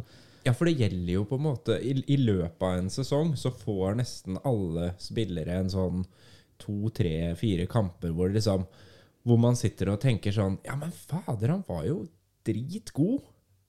Ja, i hvert fall vi som eh, Vi følger jo Fredrikstad fotballklubb, uh, men vi følger jo også en annen klubb som heter Manchester United. Eh, og der, der opplever vi jo det fra tid til annen. Det er jo Vi husker jo sesongen til Bruno Fernandes under Solskjær. Det er vel første sånn hele sesongen til Solskjær. Eh, der, var jo han, der hadde han vel en sesong der som han ikke hadde en eneste dårlig kamp. Og da snakka vi om akkurat dette her, at det er, det er utrolig sjelden at en spiller går og er så jevn gjennom en hel sesong. Eh, I hvert fall med tanke på at vi nå ser eh, spillere som Marcus Rashford, som på en måte er en klassespiller, det er ikke noe tvil om det. Og så plutselig så er det ingenting. Ingenting som fungerer. Og, og det kan vel, selv om på en måte Ja, nå er vel Fredrikstad og Manchester United omtrent på samme nivå. Ja, det vil jeg tro. Eh, det vil jeg tenke nå. Enig. Og da, er det, da, da vil det jo være sånn at Jeg, jeg forstår det at det er eh, selvfølgelig litt form, og man kan være litt utlada og sånn, men det er jo også mye mentalt som spiller inn der, vel? Med, mye med selvtillit og den flyten man eh, eventuelt kan komme inn i. Ja, jeg, det vil si den er nesten bare selvtillit. Ja. Eh, og så er det jo sånn i de periodene hvor alt går bra, da man tenker ikke. Alt eh, skjer på instinkt, eh, og da går det jo bra. Med en gang det begynner å butte litt, så tenker du åh, det, jeg hadde en dårlig involvering. Nå må jeg prøve å ikke sørge for at det ikke blir det nå, og så blir det kanskje til at man tar, tar det safe valget, og så gjør man det Så kommer man i riktig samme situasjon igjen, og så, så blir det bare en sånn ond spiral. Og så, så, så det selvtillit har Det er alfa og omega altså, i, i fotball. Skal vi kjøre litt quiz, eller? Skal vi kjøre quiz? Ja. Ok. Eh, Det er jeg som skal ha quizen i dag, og det er jo det, er jo det morsomste, syns jeg, når jeg kan ha den sjøl. Det begynner å gløde i deg. Jeg Ja, ser jeg det. vet det. Og det, jeg vet ikke om det er, er om det er liksom det er litt, det er litt sånn Det er litt sånn ondskap. Litt sånn ondskap jeg føler med akkurat dette her. Eh, I dag så skal vi ha to quizer. Spennende. Det er du, Simen, som skal få den første, og så den andre skal dere få sammen. Kan dere prøve å løse sammen. Men den første Bare si at Fredrik synes det, det er det morsomste han vet om. Det er å ha quiz. Hvis han har bursdag og sånn, så er det sette seg ned, dele folk inn i lag. 40 spørsmål. Folk har lyst til å feste. 40 spørsmål skal vi gjennom. Først så skal vi gjennom litt Ja quiz og kose oss, og da må, da må de, de gjestene må bare vente litt. Mm. Kjør på. Ok. Simen Raffen. Quiz nummer én. Nest siste seriekamp i 2010. Altså forrige gang vi rykka opp. Tromsdalen. Helt korrekt. Ding, ding, ding. Bra. Husker Wow. du resultatet òg, Simen? Eh, ja, det ble vel 2-1. Imponerende. Jeg er veldig imponert. Ja, det er, men du kommer sikkert til hvorfor, eh, hvorfor jeg vet det her. Og da kommer nemlig Hvem var målskårerne i den kampen? Det er et godt spørsmål. Jeg vet hvem som skårte det ene målet. Han sitter inne i studio her nå, Yes. og det er ingen av dere. Nei, det var jo kampen jeg skårte mitt, eh, mitt første FFK-mål. Mhm. Så det er jo en, eh, en kamp jeg husker veldig godt. Ja. Uh, det andre målet ble skåra på en straffe. Helt riktig. Uh, og hvem tok straffene? Det må jo ha vært Celso Borges. Nei. Men det var ikke det. Nei. For det var ikke svaret avgitt. nei, nei, selvfølgelig ikke. Det var bare for Hvem kan det ha vært da? Jeg ble veldig overraska at han tok straffe i Fredrikstad. Tekstrøm. Nei. Oskar. Valencia. nei. Har ikke flere spillere på banen der? Det er en spiller som eh, du, Per Olsen, ikke huska du heller når vi tok det 2010-laget. Åh. Og det er ikke så innmari rart, for han har få kamper i Fredrikstad-drakt. Ikke Thorvaldsson. Jo, Det var Thorvaldsson. det var Thorvaldsson. Det var rett og slett Thorvaldsson som skåra det første, og så var det Simen Raffen som sikra seieren der. Men, men hvem var det som lagde den straffa? Var det deg, eller? var det det? Ja, det var det. Det var det. det, var det, det, var det. Nei, men Det er bra. Nei, Det var veldig bra, Simen. Imponerende. Jeg hadde vært overraska hvis du ikke huska hvem som eh, hadde skåra Ja, det, altså. det har ikke blitt så mange mål at Nei, jeg glemmer nei, målene nei. mine. Veldig bra. Ok, Da skal vi prøve oss på én quiz som dere skal få sammen. Mm. Og da er vi litt mer sånn generell FFK-historie. Ok. Det er Er det førstemann til å svare, eller? Eh, Nei, dere kan svare sammen, syns jeg, som et lag. For jeg syns vi bygger lagånd, og det er, litt, eh, det er litt hyggelig med den eh, mentaliteten der, da. Ja, veldig bra. Uh, og da skal vi rett og slett finne ut hvilke spillere har spilt for FFK, og har også fått Premier League-kamper. Hvilke spillere er det? Uh, får jeg vite hvor mange vi skal fram til? Tre.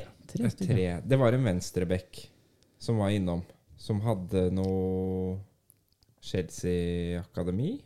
Ja, men eh, hvis du har spilt i Chelsea-akademiet og heter eh, Kevin Wright, så vil du ikke si at du har fått Premier League-kamper. Nei, men da har vi utelukka han. Det er helt er han riktig. ute. Dette er min Altså, dette kommer til å ta noen timer, men det er min måte å jobbe på. Ja, ja, ja. Ok, men Da tar vi Nathan Sazara, som har spilt i England. Han har ikke spilt i Premier League. Da Ja. luker vi ut han. Da Da har han vi, lukes ut. da er vi to borte. Ja, Nå er nærmer vi oss. borte. Ja, ja. Jeg har jo en, da.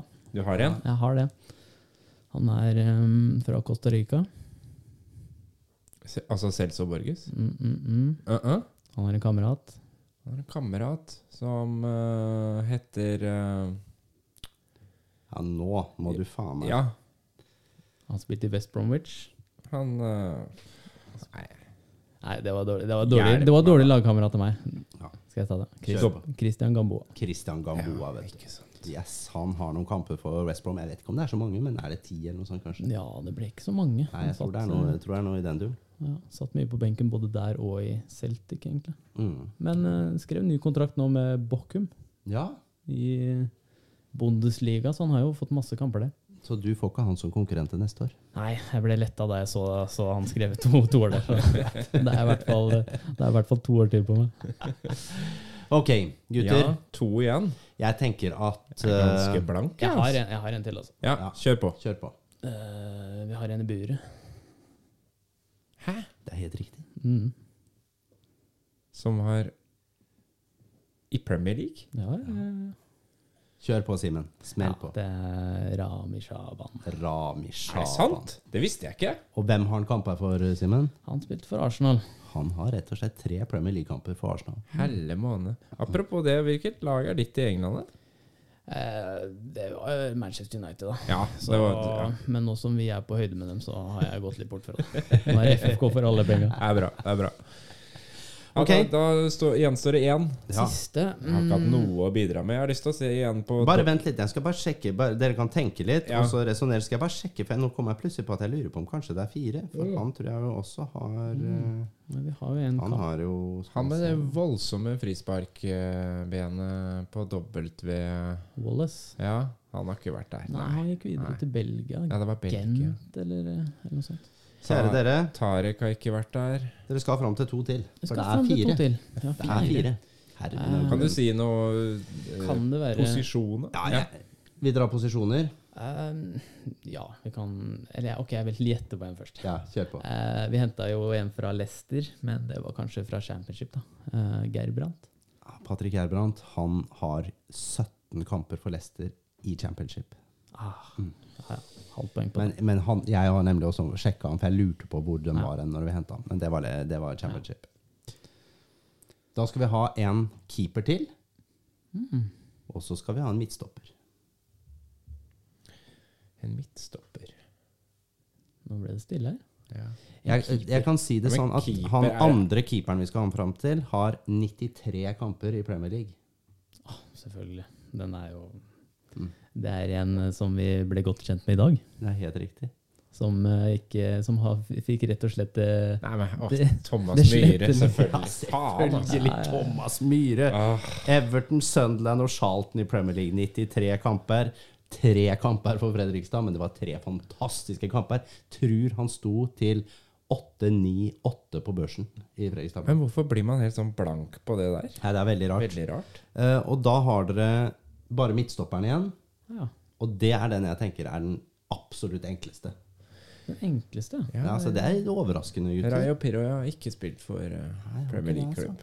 Det blir jo Det kan, kan jo ikke være noen i nyere tid, som vi må nok fra før 2012 i hvert fall. Og det var vel ingen på 2012-laget heller. Det kan det ikke ha vært. Nei, det kan det ikke ha vært. Duré, han eh, Kevin, Kevin Duré har aldri fått eh, kamper i Premier League, rett og slett. Ole Strømsborg gikk til Kvikk. Uh, nei, 2009? 2008? Vi må nok litt tilbake, altså, gutter. Å ja. Det er Nå selvfølgelig. Selvfølgelig. Det er en gutt fra Eller en gutt. Det er en mann fra Fredrikstad, faktisk. Ja, det er helt riktig. Fredrikstads eh, kanskje sånn landslagsmessig nest største helt i moderne tid. Jeg tør ikke å si noen ting. Jeg. Kom igjen nå! Si det du, da, Simen. To... Tore Tore Pedersen. Tore P! Ja, den, Tore Pedersen, 21 kamper i Premier League. Jeg blir nervøs av sånn quiz, jeg. Det skjønner jeg. Husker du hvem han har kamper for? deg? eh, Tore B. Han skulle gjerne ønske det var Leeds, i hvert fall. Det vet jeg. Mm. Det var det Eh, ikke. Men hvem det var for var, var Tenk sånn? på det, Han har 21 kamper, og det er fordelt på tre klubber. Ja, det er rått. Det er rått, da. Ja. alle spilte vel for Oldham på den tida der. Og det er helt riktig. Det Var er det- første, det, vet du. Det var det. Ja, ja. Oldham sammen med Gunnar Halde var vel også der på den tida. Ja. Um, resten er jeg blank. Blackburn, eller? Helt riktig. Og det, nå syns jeg det var deilig for deg nå. det var deilig. Det Den, var, den fortjente du. det var viktig. Jeg tror ikke det er mer enn fem kamper han har for Blackburn, men men, eh, eh, jeg husker det godt. Ja, ja, ja, ja, ja. Men, Og men siste klubben, der har han seks, tror jeg. Kom igjen, Simen. Dette laget det Det er- på en måte egentlig- veldig mye av deg. ja, det må, det må For det er egentlig en selvfølge, den siste klubben. Selvfølgelig. For det var bare én klubb som kunne henta Tore Pedersen da.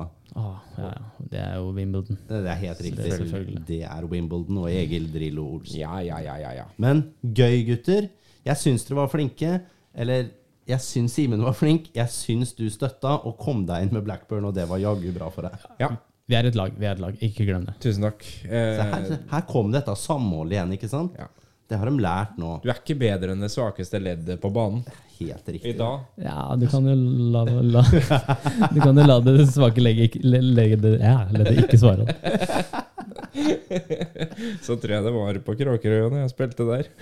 Men, men. eh, skal vi gå litt på Eliteserien? Ja, det kan vi gjøre. Eh, jeg syns vi skal gå rett på spillerspekulering, rett Ja. og slett. Eh, for det er jo helt klart at klubben både har ambisjoner og ønsker om, om og må forsterke seg i i hvert fall noen av ledda. Ja. Så mm, la oss begynne der, da. Det går jo et lite rykte. Det går et rykte.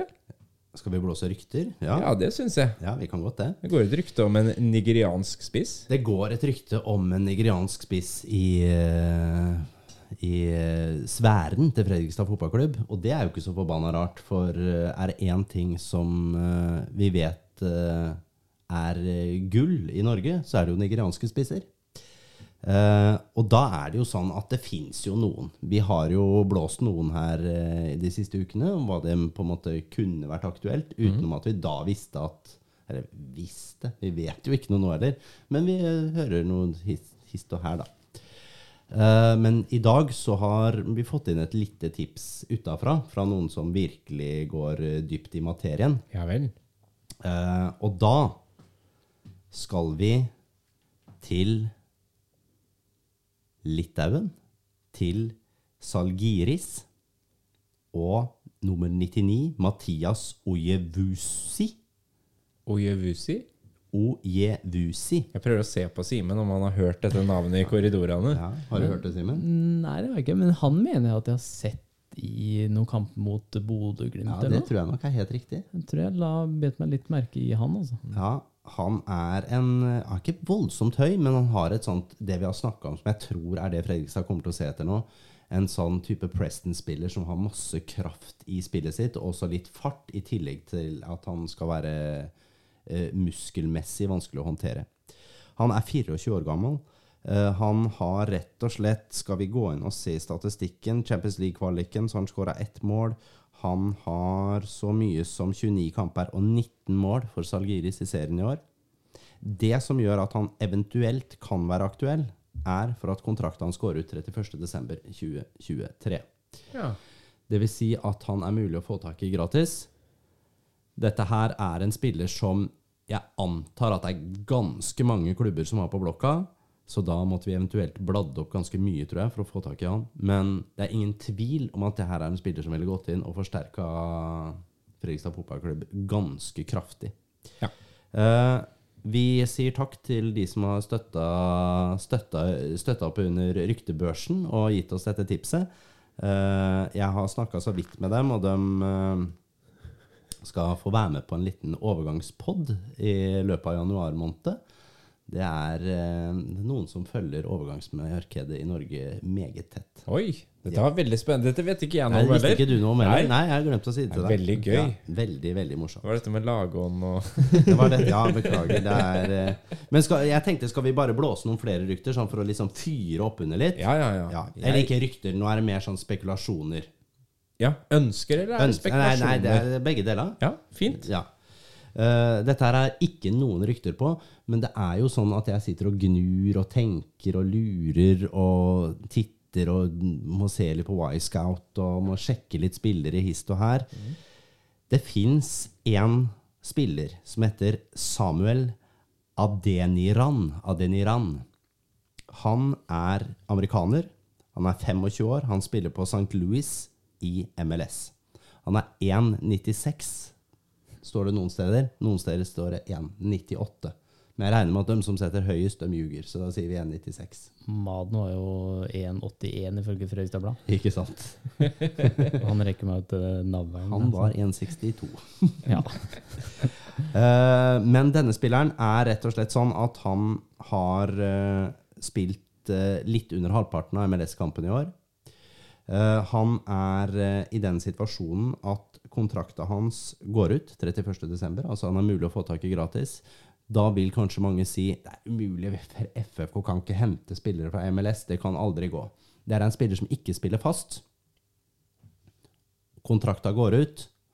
Hvis du ønsker å få en karriere i Europa, og det er her pengene ligger Hvis du ikke skal være blant de eh, fire spillerne i MLS-klubben som tjener mye penger Det er her pengene ligger. Han tjener nå Hva var det jeg sjekka? Jeg lurer på han har rundt 880 000 eller noe sånt i årslønn i St. Louis. Eh, Det vil si at hvis man skulle friste han med skal vi slenge ut en tall på 1,2. En skikkelig, skikkelig bra lønn for, eh, for en Fredrikstad-spiller. Men eh, kanskje også en stjernelønn som ville gitt oss en angriper som ville satt oss litt på kartet. Ikke noe mulighet. Har ikke hørt noen rykter om dette, her, men det er et, eh, hadde vært et godt navn som jeg hadde sjekka ut litt videre. Eller så kan vi jo liksom snakke om Kristian Fardal Opseth i Sarpsborg. Uh, selvfølgelig, han er, blir 34 år, er uh, gammel, men uh, fader, det er ikke så mange spillere i Norge som er så målfarlige som han, altså. Det er ikke sikkert det er så dumt. Kontrakta går ut. Simen? Vil du ha en sånn Serpe-spiller her på laget? Ja, han er jo ikke fra Sarpsborg, så den skal vi la gå. Ja. Han er jo vel fra Sogndal eller Ja, oppi høgget der. Ja, ja, ja. Eh, og så har vi jo snakka om Nå tenkte jeg vi skulle ta liksom smelle en eh, tre spisser i dag, og så skal vi ta et par uh, venstrebacker òg, da, eller? Ja, Siden det syns jeg. Kanskje vi kommer til å trenge det. Der tror jeg Der har vi en følelse på at det må noen inn. Det ser jo sånn ut ut fra prioriteringene, i hvert fall. Mm. Uh, da Hvis vi ønsker å gå for et billig alternativ, at vi rett og slett skal bruke pengene våre andre steder, men vi ønsker fortsatt å kjøre wingback-system, så mener jo jeg at eh, David Hiksen, David Hiksen i Skeid er et OK alternativ som vil koste oss veldig lite penger og har gode offensive kvaliteter, samtidig som man skal stå godt i duellspillet defensivt. Eh, og så skal vi smelle ut en til, som kanskje er litt mer uh, longshot, men uh, heller ikke helt umulig. Og det er Aksel Bjørnstrøm. Uh, det er backupen på venstrebekken for AIK. Har spilt en del i år, men er fortsatt et godt stykke unna laget. Jeg tror han har starta fire kamper, to av dem under Henning Berg. Tror han er absolutt mulig å flytte på. Han er 28 år, ganske mye erfaring. Eh, OK i det offensive spillet, ikke målfarlig, men har et ganske godt bein, så der kan vi forvente oss noen um, assist i tilfelle. OK alternativer. Mm. Eh, skal, skal du ha en keeper i dag, eller? Jeg kan få en keeper, men jeg skal spørre Simen først hvem Ja. han vil hente. Bortsett fra Kallevold, da, som du sa sist. Eh, det var jo en kompis, liksom. Få inn eh, en forsterkning. Men eh, hvis du skal velge deg én spiller du ville eh, i Eliteserien sammen med deg på laget, da. Um, det var jo Det var et fælt spørsmål å få, Ja. egentlig. Um, men jeg kan jo Jeg har jo faktisk et, et lite rykte her, da. Har du det? Men Deilig. det her det er noe jeg ble fortalt. Det er ikke, jeg ikke lett selv. Men det skal visstnok stå i Varden også. At, ehm, at um, Odd Grønland og Fredrikstad er interessert i Vegard Kongsrud. Vegard Kongsrud, ja. Det står i Varden, så det her er ikke noe jeg kom med. Jeg hørte det, Dette ble fortalt meg på Melløs. Oi. Vegard Kongsrud. Fyr løs. Ja, Trekker jeg meg tilbake. spennende. Spennende, ja. Det er, det er jo et Ja. Nå er du veldig diplomatisk. Ja. Uh, det- sånn- det, men det er litt, Ja. litt overraskende for meg, men det er, det er klart det er en bekk som står godt, uh, godt defensivt. Eh, han, vi vet jo at han kommer eh, med en god holdnings til treningskultur. Eh, det, er jo ikke en spiller som blå... Jeg, blir ikke blåst i bakken av å, hvis vi hadde signert Vegard Kongsro, men jeg blir kanskje også litt overraska. Han sitter vel på kontrakt, gjør han ikke det? da? Jeg, ingen aning. Dette Nei, ble hviska meg i øret på Ja, ja for det, det, tror, det tror jeg kanskje han gjør. Jeg ble også overraska egentlig over at eh, sånn, han er vurdert i hva, hva Odd du sa? Ja, han er, han er jo opprinnelig fra Ja, men jeg er litt overraska likevel at han blir vurdert der nå. Han, men absolutt spennende. spennende. Det må vi følge, følge opp litt eh, videre. Det skal vi gjøre. Kult. Da tar vi keeperen. Da, ja, da tar vi keeperen. Og det er helt glemt. Jeg har også et annet rykte, jeg, men det skal jeg vente med til en ukes tid på. Å ja. ja. Mm. Eh, da Det her er jo en spiller som på en måte jeg har eh, Han er en litt sånn guilty pleasure-spiller. Eh, og det går rett og slett på at han er ikke så jævla god. Men han har et så sinnssykt høyt potensial. Steinar Sørli nå. Steinar Sørli. Jeg har trua, jeg, Ja, altså. nei, vi er rett og slett på Samuel Brolin. Eh, Det var bare stille fra Ja, du trenger ikke å se på meg.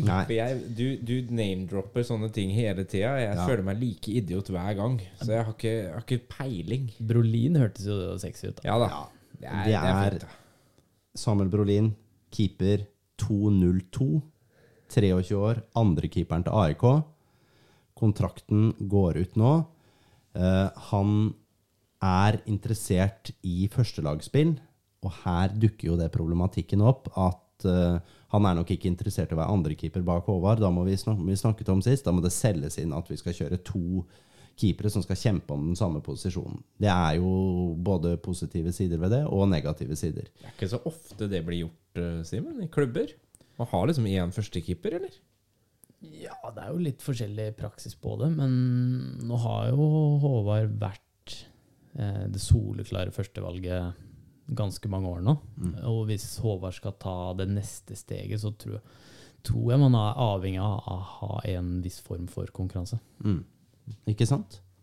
Kanskje det blir Samuel Brolin, det da, eller? Men der igjen, da har du det problemet, og det vi har snakket om før, at da skal vi bruke utenlandskvoteplass på en keeper som ikke nødvendigvis er et soleklart førstevalg igjen. Eh, veldig usikker. Men det er klart, potensialet til Samuel Brolin Han har ganske mange U21-kamper for Sverige. Han er eh, Han er egentlig innmari lik Håvard. Han, ha, han er innmari god på strek, han er god én mot én. Og så er det 2-0-2, og så klarer du å være litt dårlig i feltet. Det er jo spesielt. Eh, I tillegg så er han ikke kjempegod med beina. så det, det er jo litt av det samme som vi ser med Håvard. Så sånn sett så taler det vel kanskje litt imot at de på en måte ikke kunne vært med å utvikle hverandre noe særlig, da. Eh, men råpotensialet i han er jo innmari stort. Og du vet jo, kjenner jo meg, jeg hater jo keepere som er under 1,90. Jeg syns det er eh, Det er bortkasta tid. Eh, sånn er det bare. Kayler Navas, gå og legg deg. Her trenger vi gutter som kan bygge muskler og, og, og jobbe i høyden. Ja, ja. Det er ikke jeg og Simen så opptatt av. Nei, dere er ikke så opptatt av Vi det. Vi liker oss litt sånn mer ned på bakkeplan. ja. Ja, Men uh, kjenner hun personlig han her, da? For han, Nei, har, han hørtes jo veldig lik ut til Håvard på banen. Jeg vet ikke om vi har plass til en i garderoben som er lik Håvard personlig. Ja. Kanskje han er helt lik. Det kan jo hende, vet du. Studerer eh, juss på siste år og, og kommer med artige anekdoter i ny og ne. Skriver litt dikt og maler litt og sånn. Håvard er ganske god til å male, da.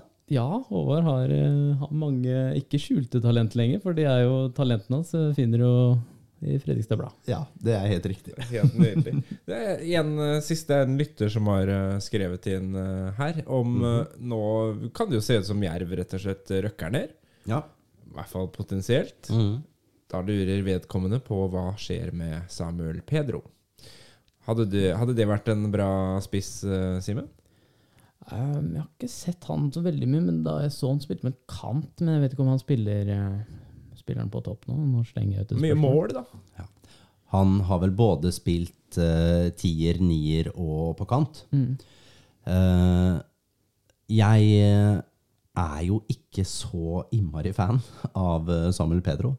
Rett og slett. Jeg syns han har Han har jo et fantastisk eh, skuddbein. Det skal han ha. Arbeidsradiusen hans er sånn at jeg tror det hadde blitt en helvetes kulturkrasj med, med Michael Thomassen. Skal jeg være så ærlig å si det sånn? At uh, han er ikke arbeidsnok. Så, han, han jobber ikke nok rett og slett på banen til å kunne spille under Thomassen. Det tror jeg ikke vi heller hadde fått gjort noe med. Den er god. Yes. Eh, vi har jo snakka om eh, spillere inn i alle ledd. Eh, nå kommer jo liksom budsjettene. Det er fra 35 til 75 millioner. Men så skjer det jo veldig mye i administrasjon og i spillerutviklinga nå. Eh, Solberg eh, takka jo av nå. Eh, Ja, Sander og Thorvald forsvant jo ut denne, denne uka her. Det skjer ganske mye på kort tid nå, Simen. Ja, det er uh, silly season både på banen og på kontoret. Så det, har, eh, det er jo lyst ut mange nye stillinger, og um, det syns jo det er veldig positivt. At man, eh, man kan bygge klubb samtidig som man, man utvikler seg på banen. Men Hvor mye vet dere om altså spillerne om dette før det skjer? Er det sånn at dere også ser det på finn.no, på en måte? Eller blir dere liksom informert om at nå kommer vi til å gjøre disse tinga? Eh, Det er mye som blir holdt hemmelig, og som eh, eh, hvor man hvor de på kontoret merker at nå får vi plutselig litt dårlig tid. Da haster vi, innkaller vi til et møte, og så får vi vite der, og så står det i Fredrikstad Blad tre minutter etterpå. Eh, Men akkurat Thorvald er jo en av mine bedre venner, så den visste jeg jo litt, litt tidligere. Og det har jo vært spennende å ha sin, en av sine beste kamerater som fysisk trener, eh, kan du si. Men hva, hvorfor han seg? Eh, nei, det, det får du nesten høre med, med ham. Jeg vet ikke hva, hva som har, har blitt uttalt heller. Men uh, det har uh, Han har Har jobba godt i år. Han har virkelig fått jobba godt, og vi, vi er flere av gutta som har, har Han løper jo fram og tilbake i gangene. Og vi har vært litt bekymra for det hjertet hans. Men eh, han har stått, stått på på og vært, vært veldig viktig for at, for at vi har lykkes her. Og så er det vel sånn er det, Nå sitter jo ikke jeg med alle fysiske trenernavn nå. Er det Henrik Pettersen han heter, han som er ansatt i Han Ja, er sånn på, fysisk rolle. på Yngres avdeling. Det var yngres avdeling Ja, han ja. gikk inn. Mm. Men det her er jo litt sånn hvordan man bygger klubb for Eliteserien, og hva, altså hvilke prioriteringer man skal ha, og hvordan man skal skru til. Eh, snakker dere liksom noe om det i, i spillergruppa? Nei. Det er eh, i hvert fall de yngre, de yngre spillerne har nok med å bare komme på trening og snøre på seg skoa. Men det er jo klart, eh, vi eldre gutta bryr oss kanskje, kanskje litt, litt mer om det. Og, og for meg, fra, ja, bare det å komme fra Ålesund og til Fredrikstad, så var det ganske stor forskjell fra en administrasjon i, i ÅFK med ja, titalls personer, og så kommer du til Fredrikstad, og det har vært det er god plass på de kontorene, og nå, nå begynner det å fylle seg opp. Så det går i riktig retning. Det gjør det. Bra. Men kan ta det fra spilleperspektiv, da. Hva slags trøkk venter nå, på en måte, i Eliteserien? Altså, hvor stor er forskjellen fra Obos-ligaen? Eh, den er jo ganske stor.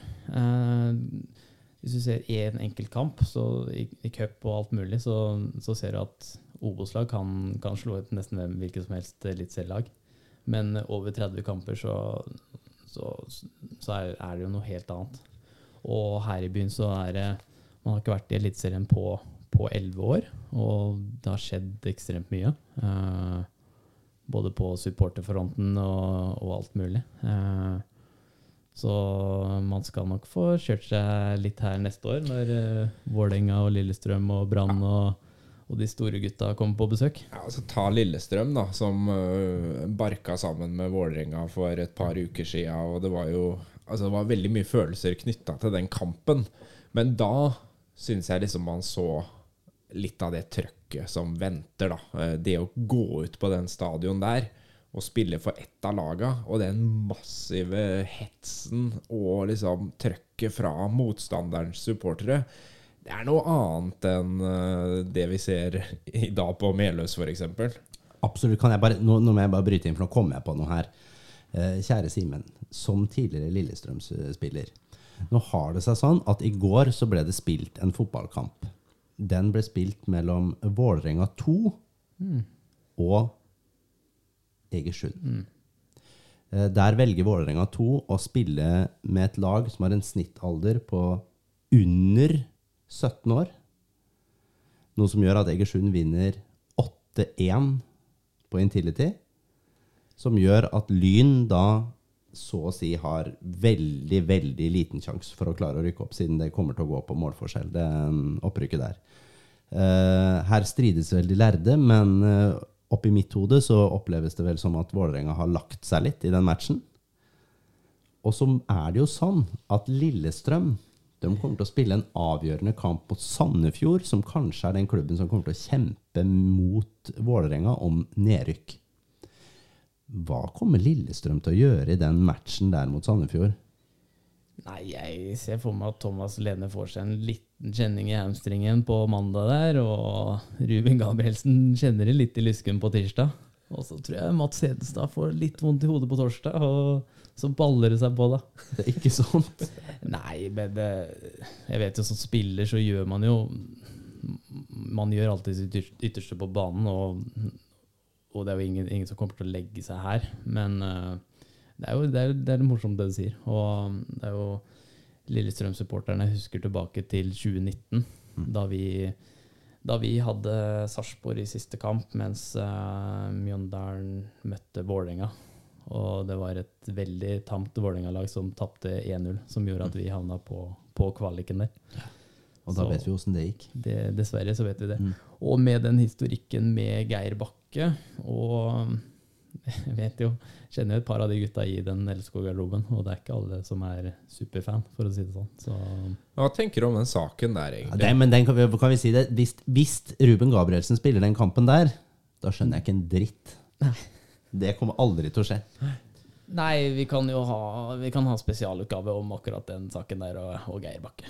Eh, men eh, for oss i Fredrikstad så tror jeg det er veldig fordel å få Vålerenga ned, da. Det, er, eh, det skal være betydelig lettere for oss å holde Sandefjord og Stabæk bak oss neste år enn en Vålerenga. Helt enig. Veldig bra. Skal vi begynne å nærme oss slutten, eller? Ja, Ja. absolutt.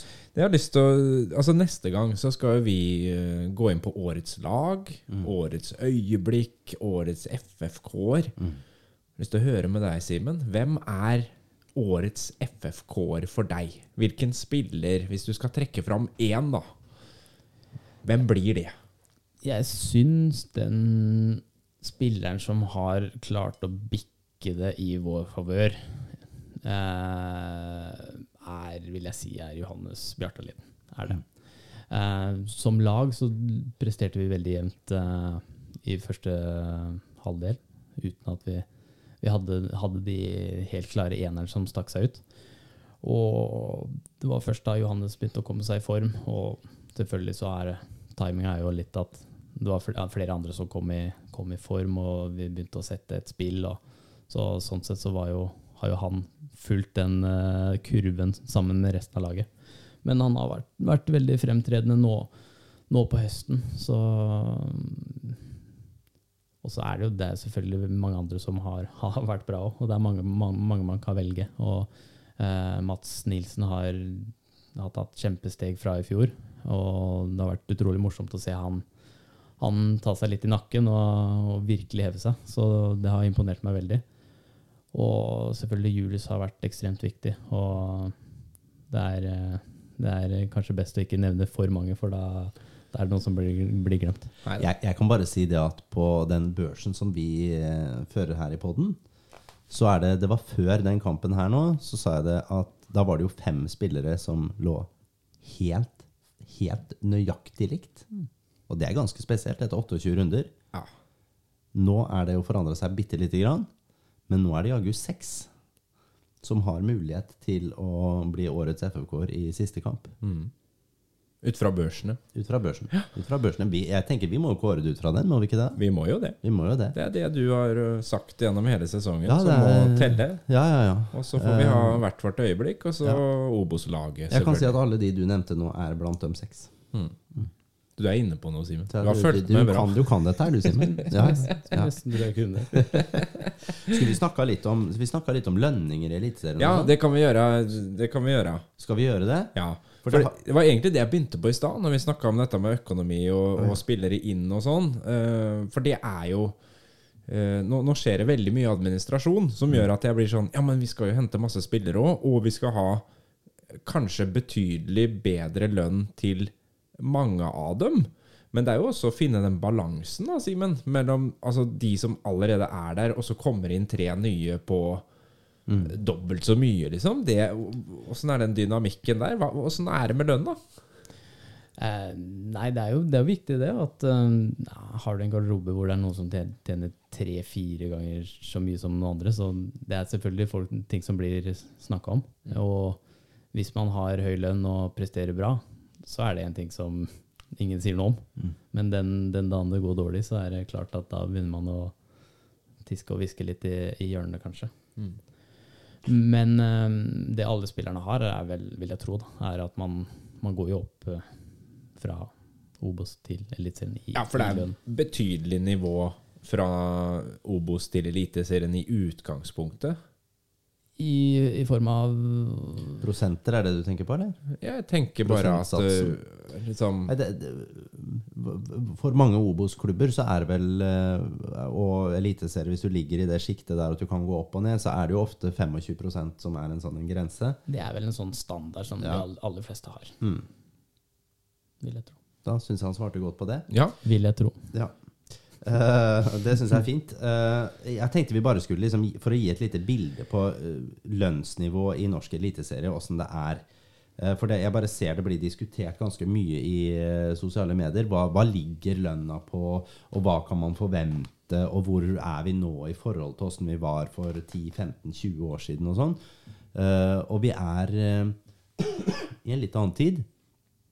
Og så er det sånn at toppnivået i norsk eliteserie den, som, den spilleren som tjener mest i Norge i dag, det er Markus Henriksen. Markus Henriksen tjener litt over 10 millioner i året. for å Ti spille- millioner. For å spille i Rosenborg. Eh, det er ganske heftig. Eh, Den, ellers den middelmådige klubben Rosenborg, ja, tenker du på? ellers så tjener Per Siljan Skjelbreid litt over 6 millioner. Amal Pellegrino han tjener eh, rundt fem. Eh, skal vi se André Hansen tjener litt over fire. Og Magnus Wolff Eikrem tjener i, rett i underkant av fire millioner. Er det noen flere dere vil ha? Eirik Hestad, to og en halv cirka. Skal vi gå inn på litt sånn klubber som Fredrikstad kan sammenligne seg med? For nå snakker vi om på en måte de som har de der råe lønnsbudsjettene i Eliteserien. Eh, hvis vi går da f.eks. på Sarpsborg 08, tenker vi ikke at det er en klubb vi kan sammenligne oss med, Simen? Jo, neste år i hvert fall. Og så Ja. etter det så skal vi legge det bak oss. Helt forbanna riktig. Godt svart. Veldig godt svart. Uh, skal vi ta den spilleren som uh, Som eh, vi snakket om litt i stad, da? Kristian Fardal Opseth. Mm. Nesten halvannen million i året. Ja. Kommer han til å få det på neste kontrakt? Nei, Nei. ikke i nærheten engang. Sånn er det bare. Men, men da er jeg inne igjen på har, har Fredrikstad i det hele tatt uh, råd til det? Uh, Nei, men, men, men før, før du går videre, nå skal jeg bare gi deg noen spillere til. Bare sånn for å sette det i sjiktet her. Joakim Thomassen. 650 000 sånn cirka. mhm. Magnar Ødegaard rundt rett i overkant av 600. Eirik Vikne rett i underkant av 600. Bjørn uh, Inge Utvik rett i overkant av 500. Kapteinen til Sarpsborg. Tenker vi om det? Jeg syns det hørtes litt, litt merkelig ut, det må jeg si. Ja. Ja, det Det er hørtes det, det, er det som står på ligningstallene. Ja. Men det er alltid noe sånn rart med de ligningene òg. Men Ja. eh, ja. For, men hvis vi skal gå på ligningstall, da skal vi, Hvis vi skal gå der, og så skal vi tenke hva en hva, Jeg skjønner at dette her bør ikke du svare noe på, Simen. Du kan få svare på det, Peri. ja. Men det er jo litt sånn, for nå, nå har vi jo en situasjon hvor Håvard ikke har Han har fått tilbud om en kontrakt i FFK. Uh, og så skal vi bryte det litt ned med at Håvard er eh, 27, tror jeg. Uh, han har aldri prøvd seg i norsk eliteserie. Hva kan han forvente å få i, i månedslønn, da? Hvis man går opp eh, Altså, nå skal I spille i Eliteserien. Hva, hva, tenker vi, hva, hvis vi skal drodle litt Nå vet jeg jo ikke hva han har nå, da. Men jeg ville jo tenkt at eh, en eliteserieklubb for en nyopprykka klubb lå mellom uh, 700 og 900 000. Mm. Mm. Så si 750-800 da, på Håvard. Ville jeg tenkt uh, var eh, ja. Ja, en spiller som er tiltenkt førstelagsplass. Jeg vil tenke at han uh, bør kunne ha forhandlingskort med å gå 75 000 i måneden. Vil, vil, det, det, det er det jeg, det jeg ville tenkt, sånn ut fra, ut fra hvordan jeg leser det. Noe særlig høyere tror jeg på en måte ikke det, det tror jeg ikke man kan forsvare ut fra at han på en måte aldri presterte Eliteserien. Og du får alltid en kontrakt ut fra hva annet man kan få tak i, eller hvilke andre alternativer som den spilleren har. Det blir akkurat som deg og meg hvis vi øh, i vår, øh, vår jobb Jeg kunne ikke kre, krevd en 2,5 million for min, min jobb, og jeg kunne ikke heller gått en annen jobb og sagt sånn ja, jeg krever 2,5 mil, for det, det, det, det er jeg ikke verdt, rett og slett. Sånn, sånn er det bare. Men, men man vet jo sånn cirka hva man har vært, og så, så må man jo eh, ta en vurdering deretter. Man vet jo at man som regel er verdt mye mer, men at eh, budsjettet ikke tillater det. Helt riktig. Helt riktig. Men akkurat dette her er jo ganske spennende, og det er jo, hvis vi skal ut på markedet da, og, og man sier man skal forsterke troppen, og man da skal forsterke troppen med spillere som har erfaring fra øverste nivå, for det er ikke så innmari mange i den Fredrikstadsdalen som har det, utenom Simen. Og Simen regner jeg med har forhandla seg til en god kontrakt nå i Fredrikstad. Det håper jeg du har. Uh, og da er det jo sånn at det er kanskje jeg, jeg tror ikke det er mange i Fredrikstad som kommer til å bikke million. Det, har, det er i hvert fall vanskelig for å se for meg. Som nyopprykka klubb. Det tror jeg kanskje ikke. Men allikevel, for en million, kanskje hvis vi skal hente en, eh, en stjerne 1,2. Noe mer enn det? Nei. Det tror jeg ikke vi har handlingsrom til å gjøre.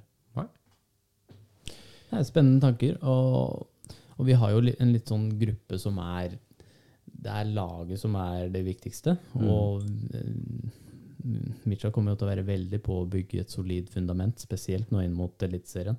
Og da har man kanskje råd til å ta, ja, til å ta seg litt ekstra råd på en ekstremspiller, da, som du Mm. sier.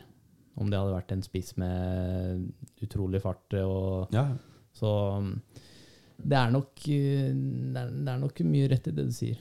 Og så kunne man kanskje sprengt taket, om ikke sprengt taket, men i hvert fall strekt seg litt lenger for en, en spiller man tenker kan virkelig gjøre den store forskjell. Det er klart, ja, og det er sånn hvis man plutselig klarer å få liksom kloa, eller eh, hva heter det, å sniffe fram en spiller som på en måte egentlig ikke er eh, eliteserie, han holder standarden over. Og hvis han skulle gå til Norge, så burde han gå til Bodø eller Molde, men så plutselig så har, vi, har Joakim Heier trylla og klart å få det til, så, så er vi i en situasjon der vi også må kunne se ting som et investeringsobjekt, og det har vi jo snakka om før. At henter vi en skal vi trekker opp han spissen til Salgiris igjen, da. Eh, det er en spiller som, hvis han lykkes, er 24 år, så kan vi brått se, og vi får den gratis, så kan vi brått selge han for 10, 15, 20, 25, 35, kanskje 40 millioner til sommeren, med, med maks uttelling. Og da, da blir de 1,4-1,5 han krever i årslønn, småpenger, ikke sant? Og da er det god forretningspolitikk, og som Simen sier, hvis han da lykkes, og det må han jo for å eventuelt bli solgt for så mye, da er jo dette her en ting som en spillerstad ville akseptert. Ja, det, det er jo det som skiller eh, en fotballgarderobe fra en ja, fra Rema 1000. Ja. At uh, man har, det er jo en forståelse der for at uh, folk er i forskjellige situasjoner, og, og så, som du sier, så er det tilbud og etterspørsel som, som avgjør Mm. hvilke kontrakter man får. Og unge, spennende spillere med rå egenskaper, det har alle forståelse for at uh, de tjener mer enn en gammel traver på 35. Er, Men, men la oss ta akkurat det, da. Har du preka noe med Tarek, eller? Det er mange som spør meg om det. Ja. Eh, nei, jeg har ikke det. Jeg har ikke prata noe med, med Tariq. Nei. Det er, jo, det, det er jo et rykte som stadig kommer opp. Jeg vet ikke om det er uh, først og fremst klubben, eller om det er uh, noen andre. Eller om det er Tariq sjøl, kanskje. et tilbakevendende rykte. uh, og der er det sånn at jeg tror hvis For det er eh, veldig mange som sier i sosiale medier at ja, bruke, han kommer til å kreve sinnssykt lønn, vi kan ikke bruke det på en uh, spiller som har spilt i Japan de siste åra. Det, det er mye å ta tak i med det der. En ting er at japansk liga holder et høyt nivå. Uh, en annen side er at jeg har ikke peiling på hvor, hvor god han har vært, for jeg har ikke sett noe av det. Men jeg tror hvis Tariq kommer tilbake, så kommer ikke Tariq til å sprenge det der eh, lønnsbudsjettet til Fredrikstad. Tariq Elionossi han har tjent nok penger ut av han. Han kommer ikke til å melke den klubben og kreve 4,5 millioner i årslønn. Da hadde Espen Engebretsen eh, ledd av det, lagt på røret og så sagt at da må du heller jobbe for onkelen din nede på Holmen. Og det er kanskje det som har skjedd. Det har nemlig jeg hørt et rykte om. Men, men. Det, sånn er det. Oi! Nei, jeg, jeg, Faen, du holder ting hemmelig, du òg. ja, ja, ja, ja. Jeg holder til. Det, er- det skal være litt sånn spennende på slutten av en podkast. Nei da, jeg har bare hørt øh, at øh, det kanskje var et øh, for langt strekk mellom forventning om lønn og det man hadde lyst til å tilby. Da er det godt at man har Espen bak eh, roret, tror jeg. Det er det. Eh, helt til slutt, jeg, jeg la ut rett før vi gikk inn i studio her, skjønner du, at uh, vi skulle ha Simen på besøk. Og da er det Trond Halvorsen da, vet du, som uh, lurer på, Simen. Hva syns du om erstatteren din på bekken? Hvordan har de klart seg så langt i ditt fravær? Nei, hvem, ja, skal vi ta hvem som har vært der? Det er vel Det er jo halve laget, så. først og fremst Patrick som har spilt der mest. jeg tipper han sikter til Metcalf Ja, først og fremst. har Imre vært innom der, og Lassen en liten tur. Ludde òg. Ludde spilte der mot Koffa. Ja. Her, ja, nei, det er jo bare å se på, se på tabellene. Så de har, de har levert, de. Mm. Og, men jeg må, må jo innrømme at jeg syns det har vært litt bittert å sitte på tribunen og se hvordan vi har utvikla oss som lag. Og, og det er et helt annet FFK-lag nå kontra det, det laget som var de første 15 kampene de jeg, de jeg spilte. Så jeg sitter jo på tribunen og ser liksom Å, der hadde jeg vært, vet du. Mm. Men, men du begynte å merke det? Du begynte å merke at det liksom skjedde noe? Ja, jeg liker jo å tro at jeg rakk å være med på akkurat den uh, lille forvandlinga. For vi vant jo, jo 4-0 hjemme mot Ranheim, og da følte jeg at, at noe begynte å løsne, i hvert fall. Mm. Vi snakka om det, vi òg. At nå, nå er det Det er et eller Det er noe på gang. Ja. Det er noe på gang, og det er jo klart at uh, det er vel ikke noe tvil om sånn, fram, eh, sånn laget har framstått nå i høst, så hadde du jo passa godt inn. Ja, jeg Bedre enn det du hadde gjort på, gjorde egentlig på våren, da du også måtte inn og vikarere som stopper. Ja, jeg tror jo det. Og sånn som vi har spilt i, stopp, i sommer, så, nei, etter sommeren, så syns jeg det er eh, Ja, vi har spilt veldig bra, og jeg syns det hadde passa meg veldig bra. For i, i våre så var det veldig mange korte angrep, og man rakk ikke å få fram, få fram wingbacken, egentlig. Mm. Så vi ble veldig baktunge. og når vi først eh, kom i innleggssituasjoner, så var vi veldig få i boks. Men nå, nå har vi, får vi folk i boks, og vi får eh, ja, en helt annen rytme og trøkk i, i det offensive. Så Han tenker så moro det blir i Eliteserien nå. Ja, tenk deg det. Herregud. Eh, ja, det, blir, det blir rått. Ja. Det blir faen, det Nå blir blir det eliteserie, og du kommer til å være klar Først i første. først i første. Først i første. Først i- Nei, men jeg, jeg vet du hva? Jeg, vet du hva? Hør nå, nå skal jeg si en dato, og så skal vi gå ut fra for Da kommer jeg til å gå ut fra den datoen som jeg sier. Jeg driter i hva du sier, Simen. Driter i hvert fall i hva Joakim Heier sier om den skaden. Jeg sier 22. februar. Da er Simen fullt klar for fullkontakt trening med FFK. Om det er i Østfoldhallen eller om det er eh, på stadion, det er, spiller ingen rolle. Hva er det jeg sa? 22. februar? 22. februar. 22. februar. Jeg skal markere med datoen. Skriv det ned. Ja. Skriv den i taket. Og når sesongåpninga da starter, hvilket lag håper du på og gleder du deg mest til å møte i Eliteserien? Er første runde håper jeg får, vi får noe trauste greier, egentlig. Ja. Noe Haugesund eller eh, Det er akkurat det vi sa. Hjemmekamp mot Haugesund Ja. første runde. Det var det vi sa. Ja, ja, men da, da, blir vi Det blir, blir 8000-9000 da? Ja, det, 10 000 det har vært nydelig. Perf det er den perfekte åpningskamp hjemme mot Haugesund. Ja, og litt samme med 16. mai. Kan vi gjerne få Tromsø eller et eller annet sånt. Jeg er helt enig. Helt og, enig. Og eh, oppgjør mot Sa- Sarpsborg kommer vi til å fylle. Eh, Vålerenga-Lillestrøm kommer med 2000-3000 eh, mann. Deg Så der blir det, der blir det tett imot eh, fullt. Samme med Brann. Ja, Lillestrøm har jo allerede varsla at de kommer eh, med en meget spesiell delegasjon nedover på den matchen. Så det tror jeg vi virkelig kan få sett fram til et heidundrende oppgjør. Det blir altså så mye gøy. Ja, Det blir så sinnssykt morsomt, dette her. Ja, ja, ja. Vi sitter ved siden av hverandre. For uh, endelig, får jeg si, på stadion. Det blir kost. Det blir ille kost. Han har kjøpt sesongkort ved siden av meg nå. Nei, Jeg vet ikke om jeg tør å spørre om hvor det er. Det er, det er rett over der dere går ned, eh, Ja, under jeg- tunnelen. Det har jeg faktisk sett. Det er Jeg bare akkurat der. tøffa meg litt. Skal vi tippe litt resultat eh, neste Ja, serierunde? Det er en kamp igjen. Det er en kamp er en kamp igjen. Vi har Ja. nesten glemt det. Jeg må bare si der eh, at dere har en venninne som jeg har hatt siden vi ble født. Hun har fått barn. Ja. Hun har bedt meg om å være fadder. Det passer ekstremt dårlig, for det er søndag 12. november. Er ikke, hva, hva er, Det er på en måte veldig vanskelig å si nei til Det er ikke noe vei utenom det, Simen? Ja, jeg, kan, jeg kan ringe henne, jeg. Det syns jeg du Vet skal. hva? Jeg tror vi skal gjøre det. Skal vi ta resultatet? Absolutt. Ja.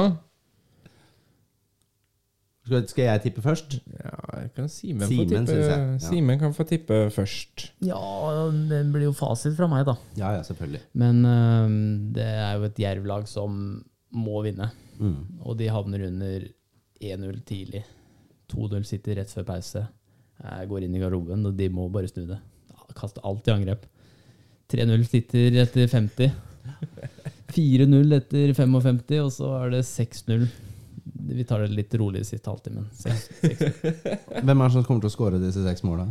Um, det blir uh, Ja, det blir Bjarta litt fem, og så får Raffen en sånn sympatien opp, og så ender jeg opp alene med keeper der, og så, så er det 60. Det er helt nydelig. Ja, er helt Med krykker. Ja, ja, ja. ja, er Jeg skal bare si det, Du har kasta krykkene. Det er Ja. ikke noen krykker her nå. Nei, nei, nei, men det hadde vært krykker. gøy om Ja, du kom altså- inn de siste tre minuttene på krykker og scora det seiersmålet. Fantastisk. Åh, det har vært deilig.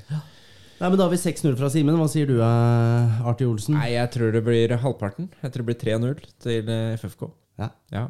Det blir uh, Bjartaloi, som vi har lært å si nå. Ja, beklager. Uh, og så blir um, ja, Jeg gir meg ikke på at uh, Mats Nilsen skal uh, stange inn et mål. Og så tror jeg Brandur kliner til igjen, jeg. Ja. Jeg tror dette her blir en nervepirrende kamp for Jerv.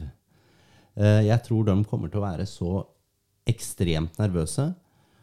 Eh, Jeg tror eh, de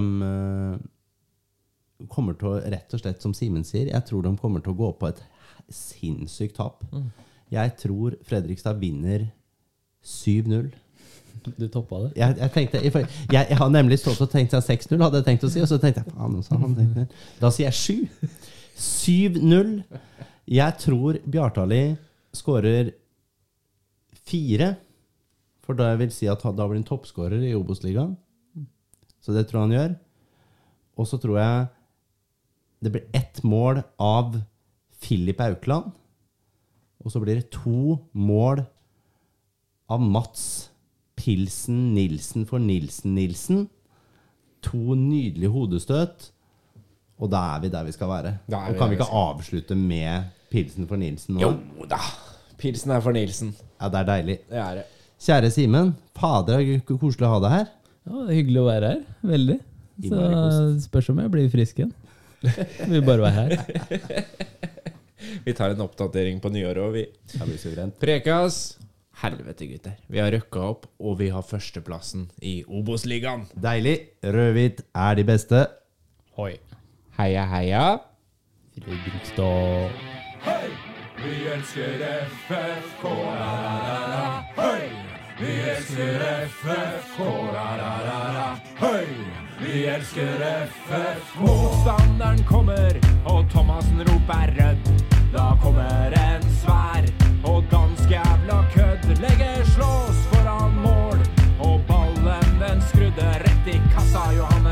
Johannes leverandør var ludde.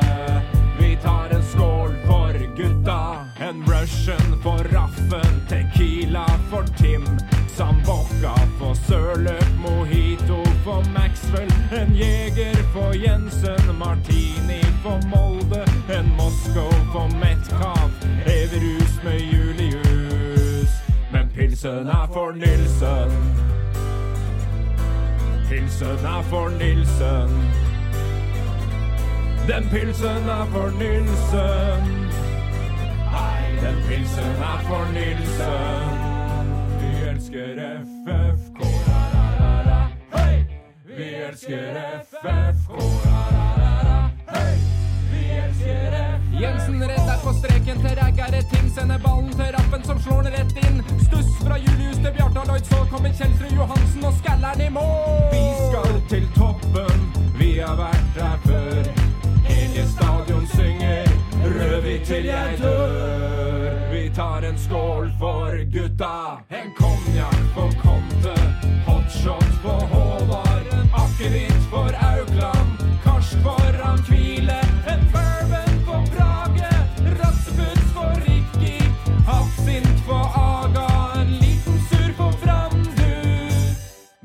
Pilsen er for Nilsen. Den pilsen er for Nilsen. Hei, den pilsen er for Nilsen. Pilsen er for Nilsen. Også en iste til Nimre. Imre.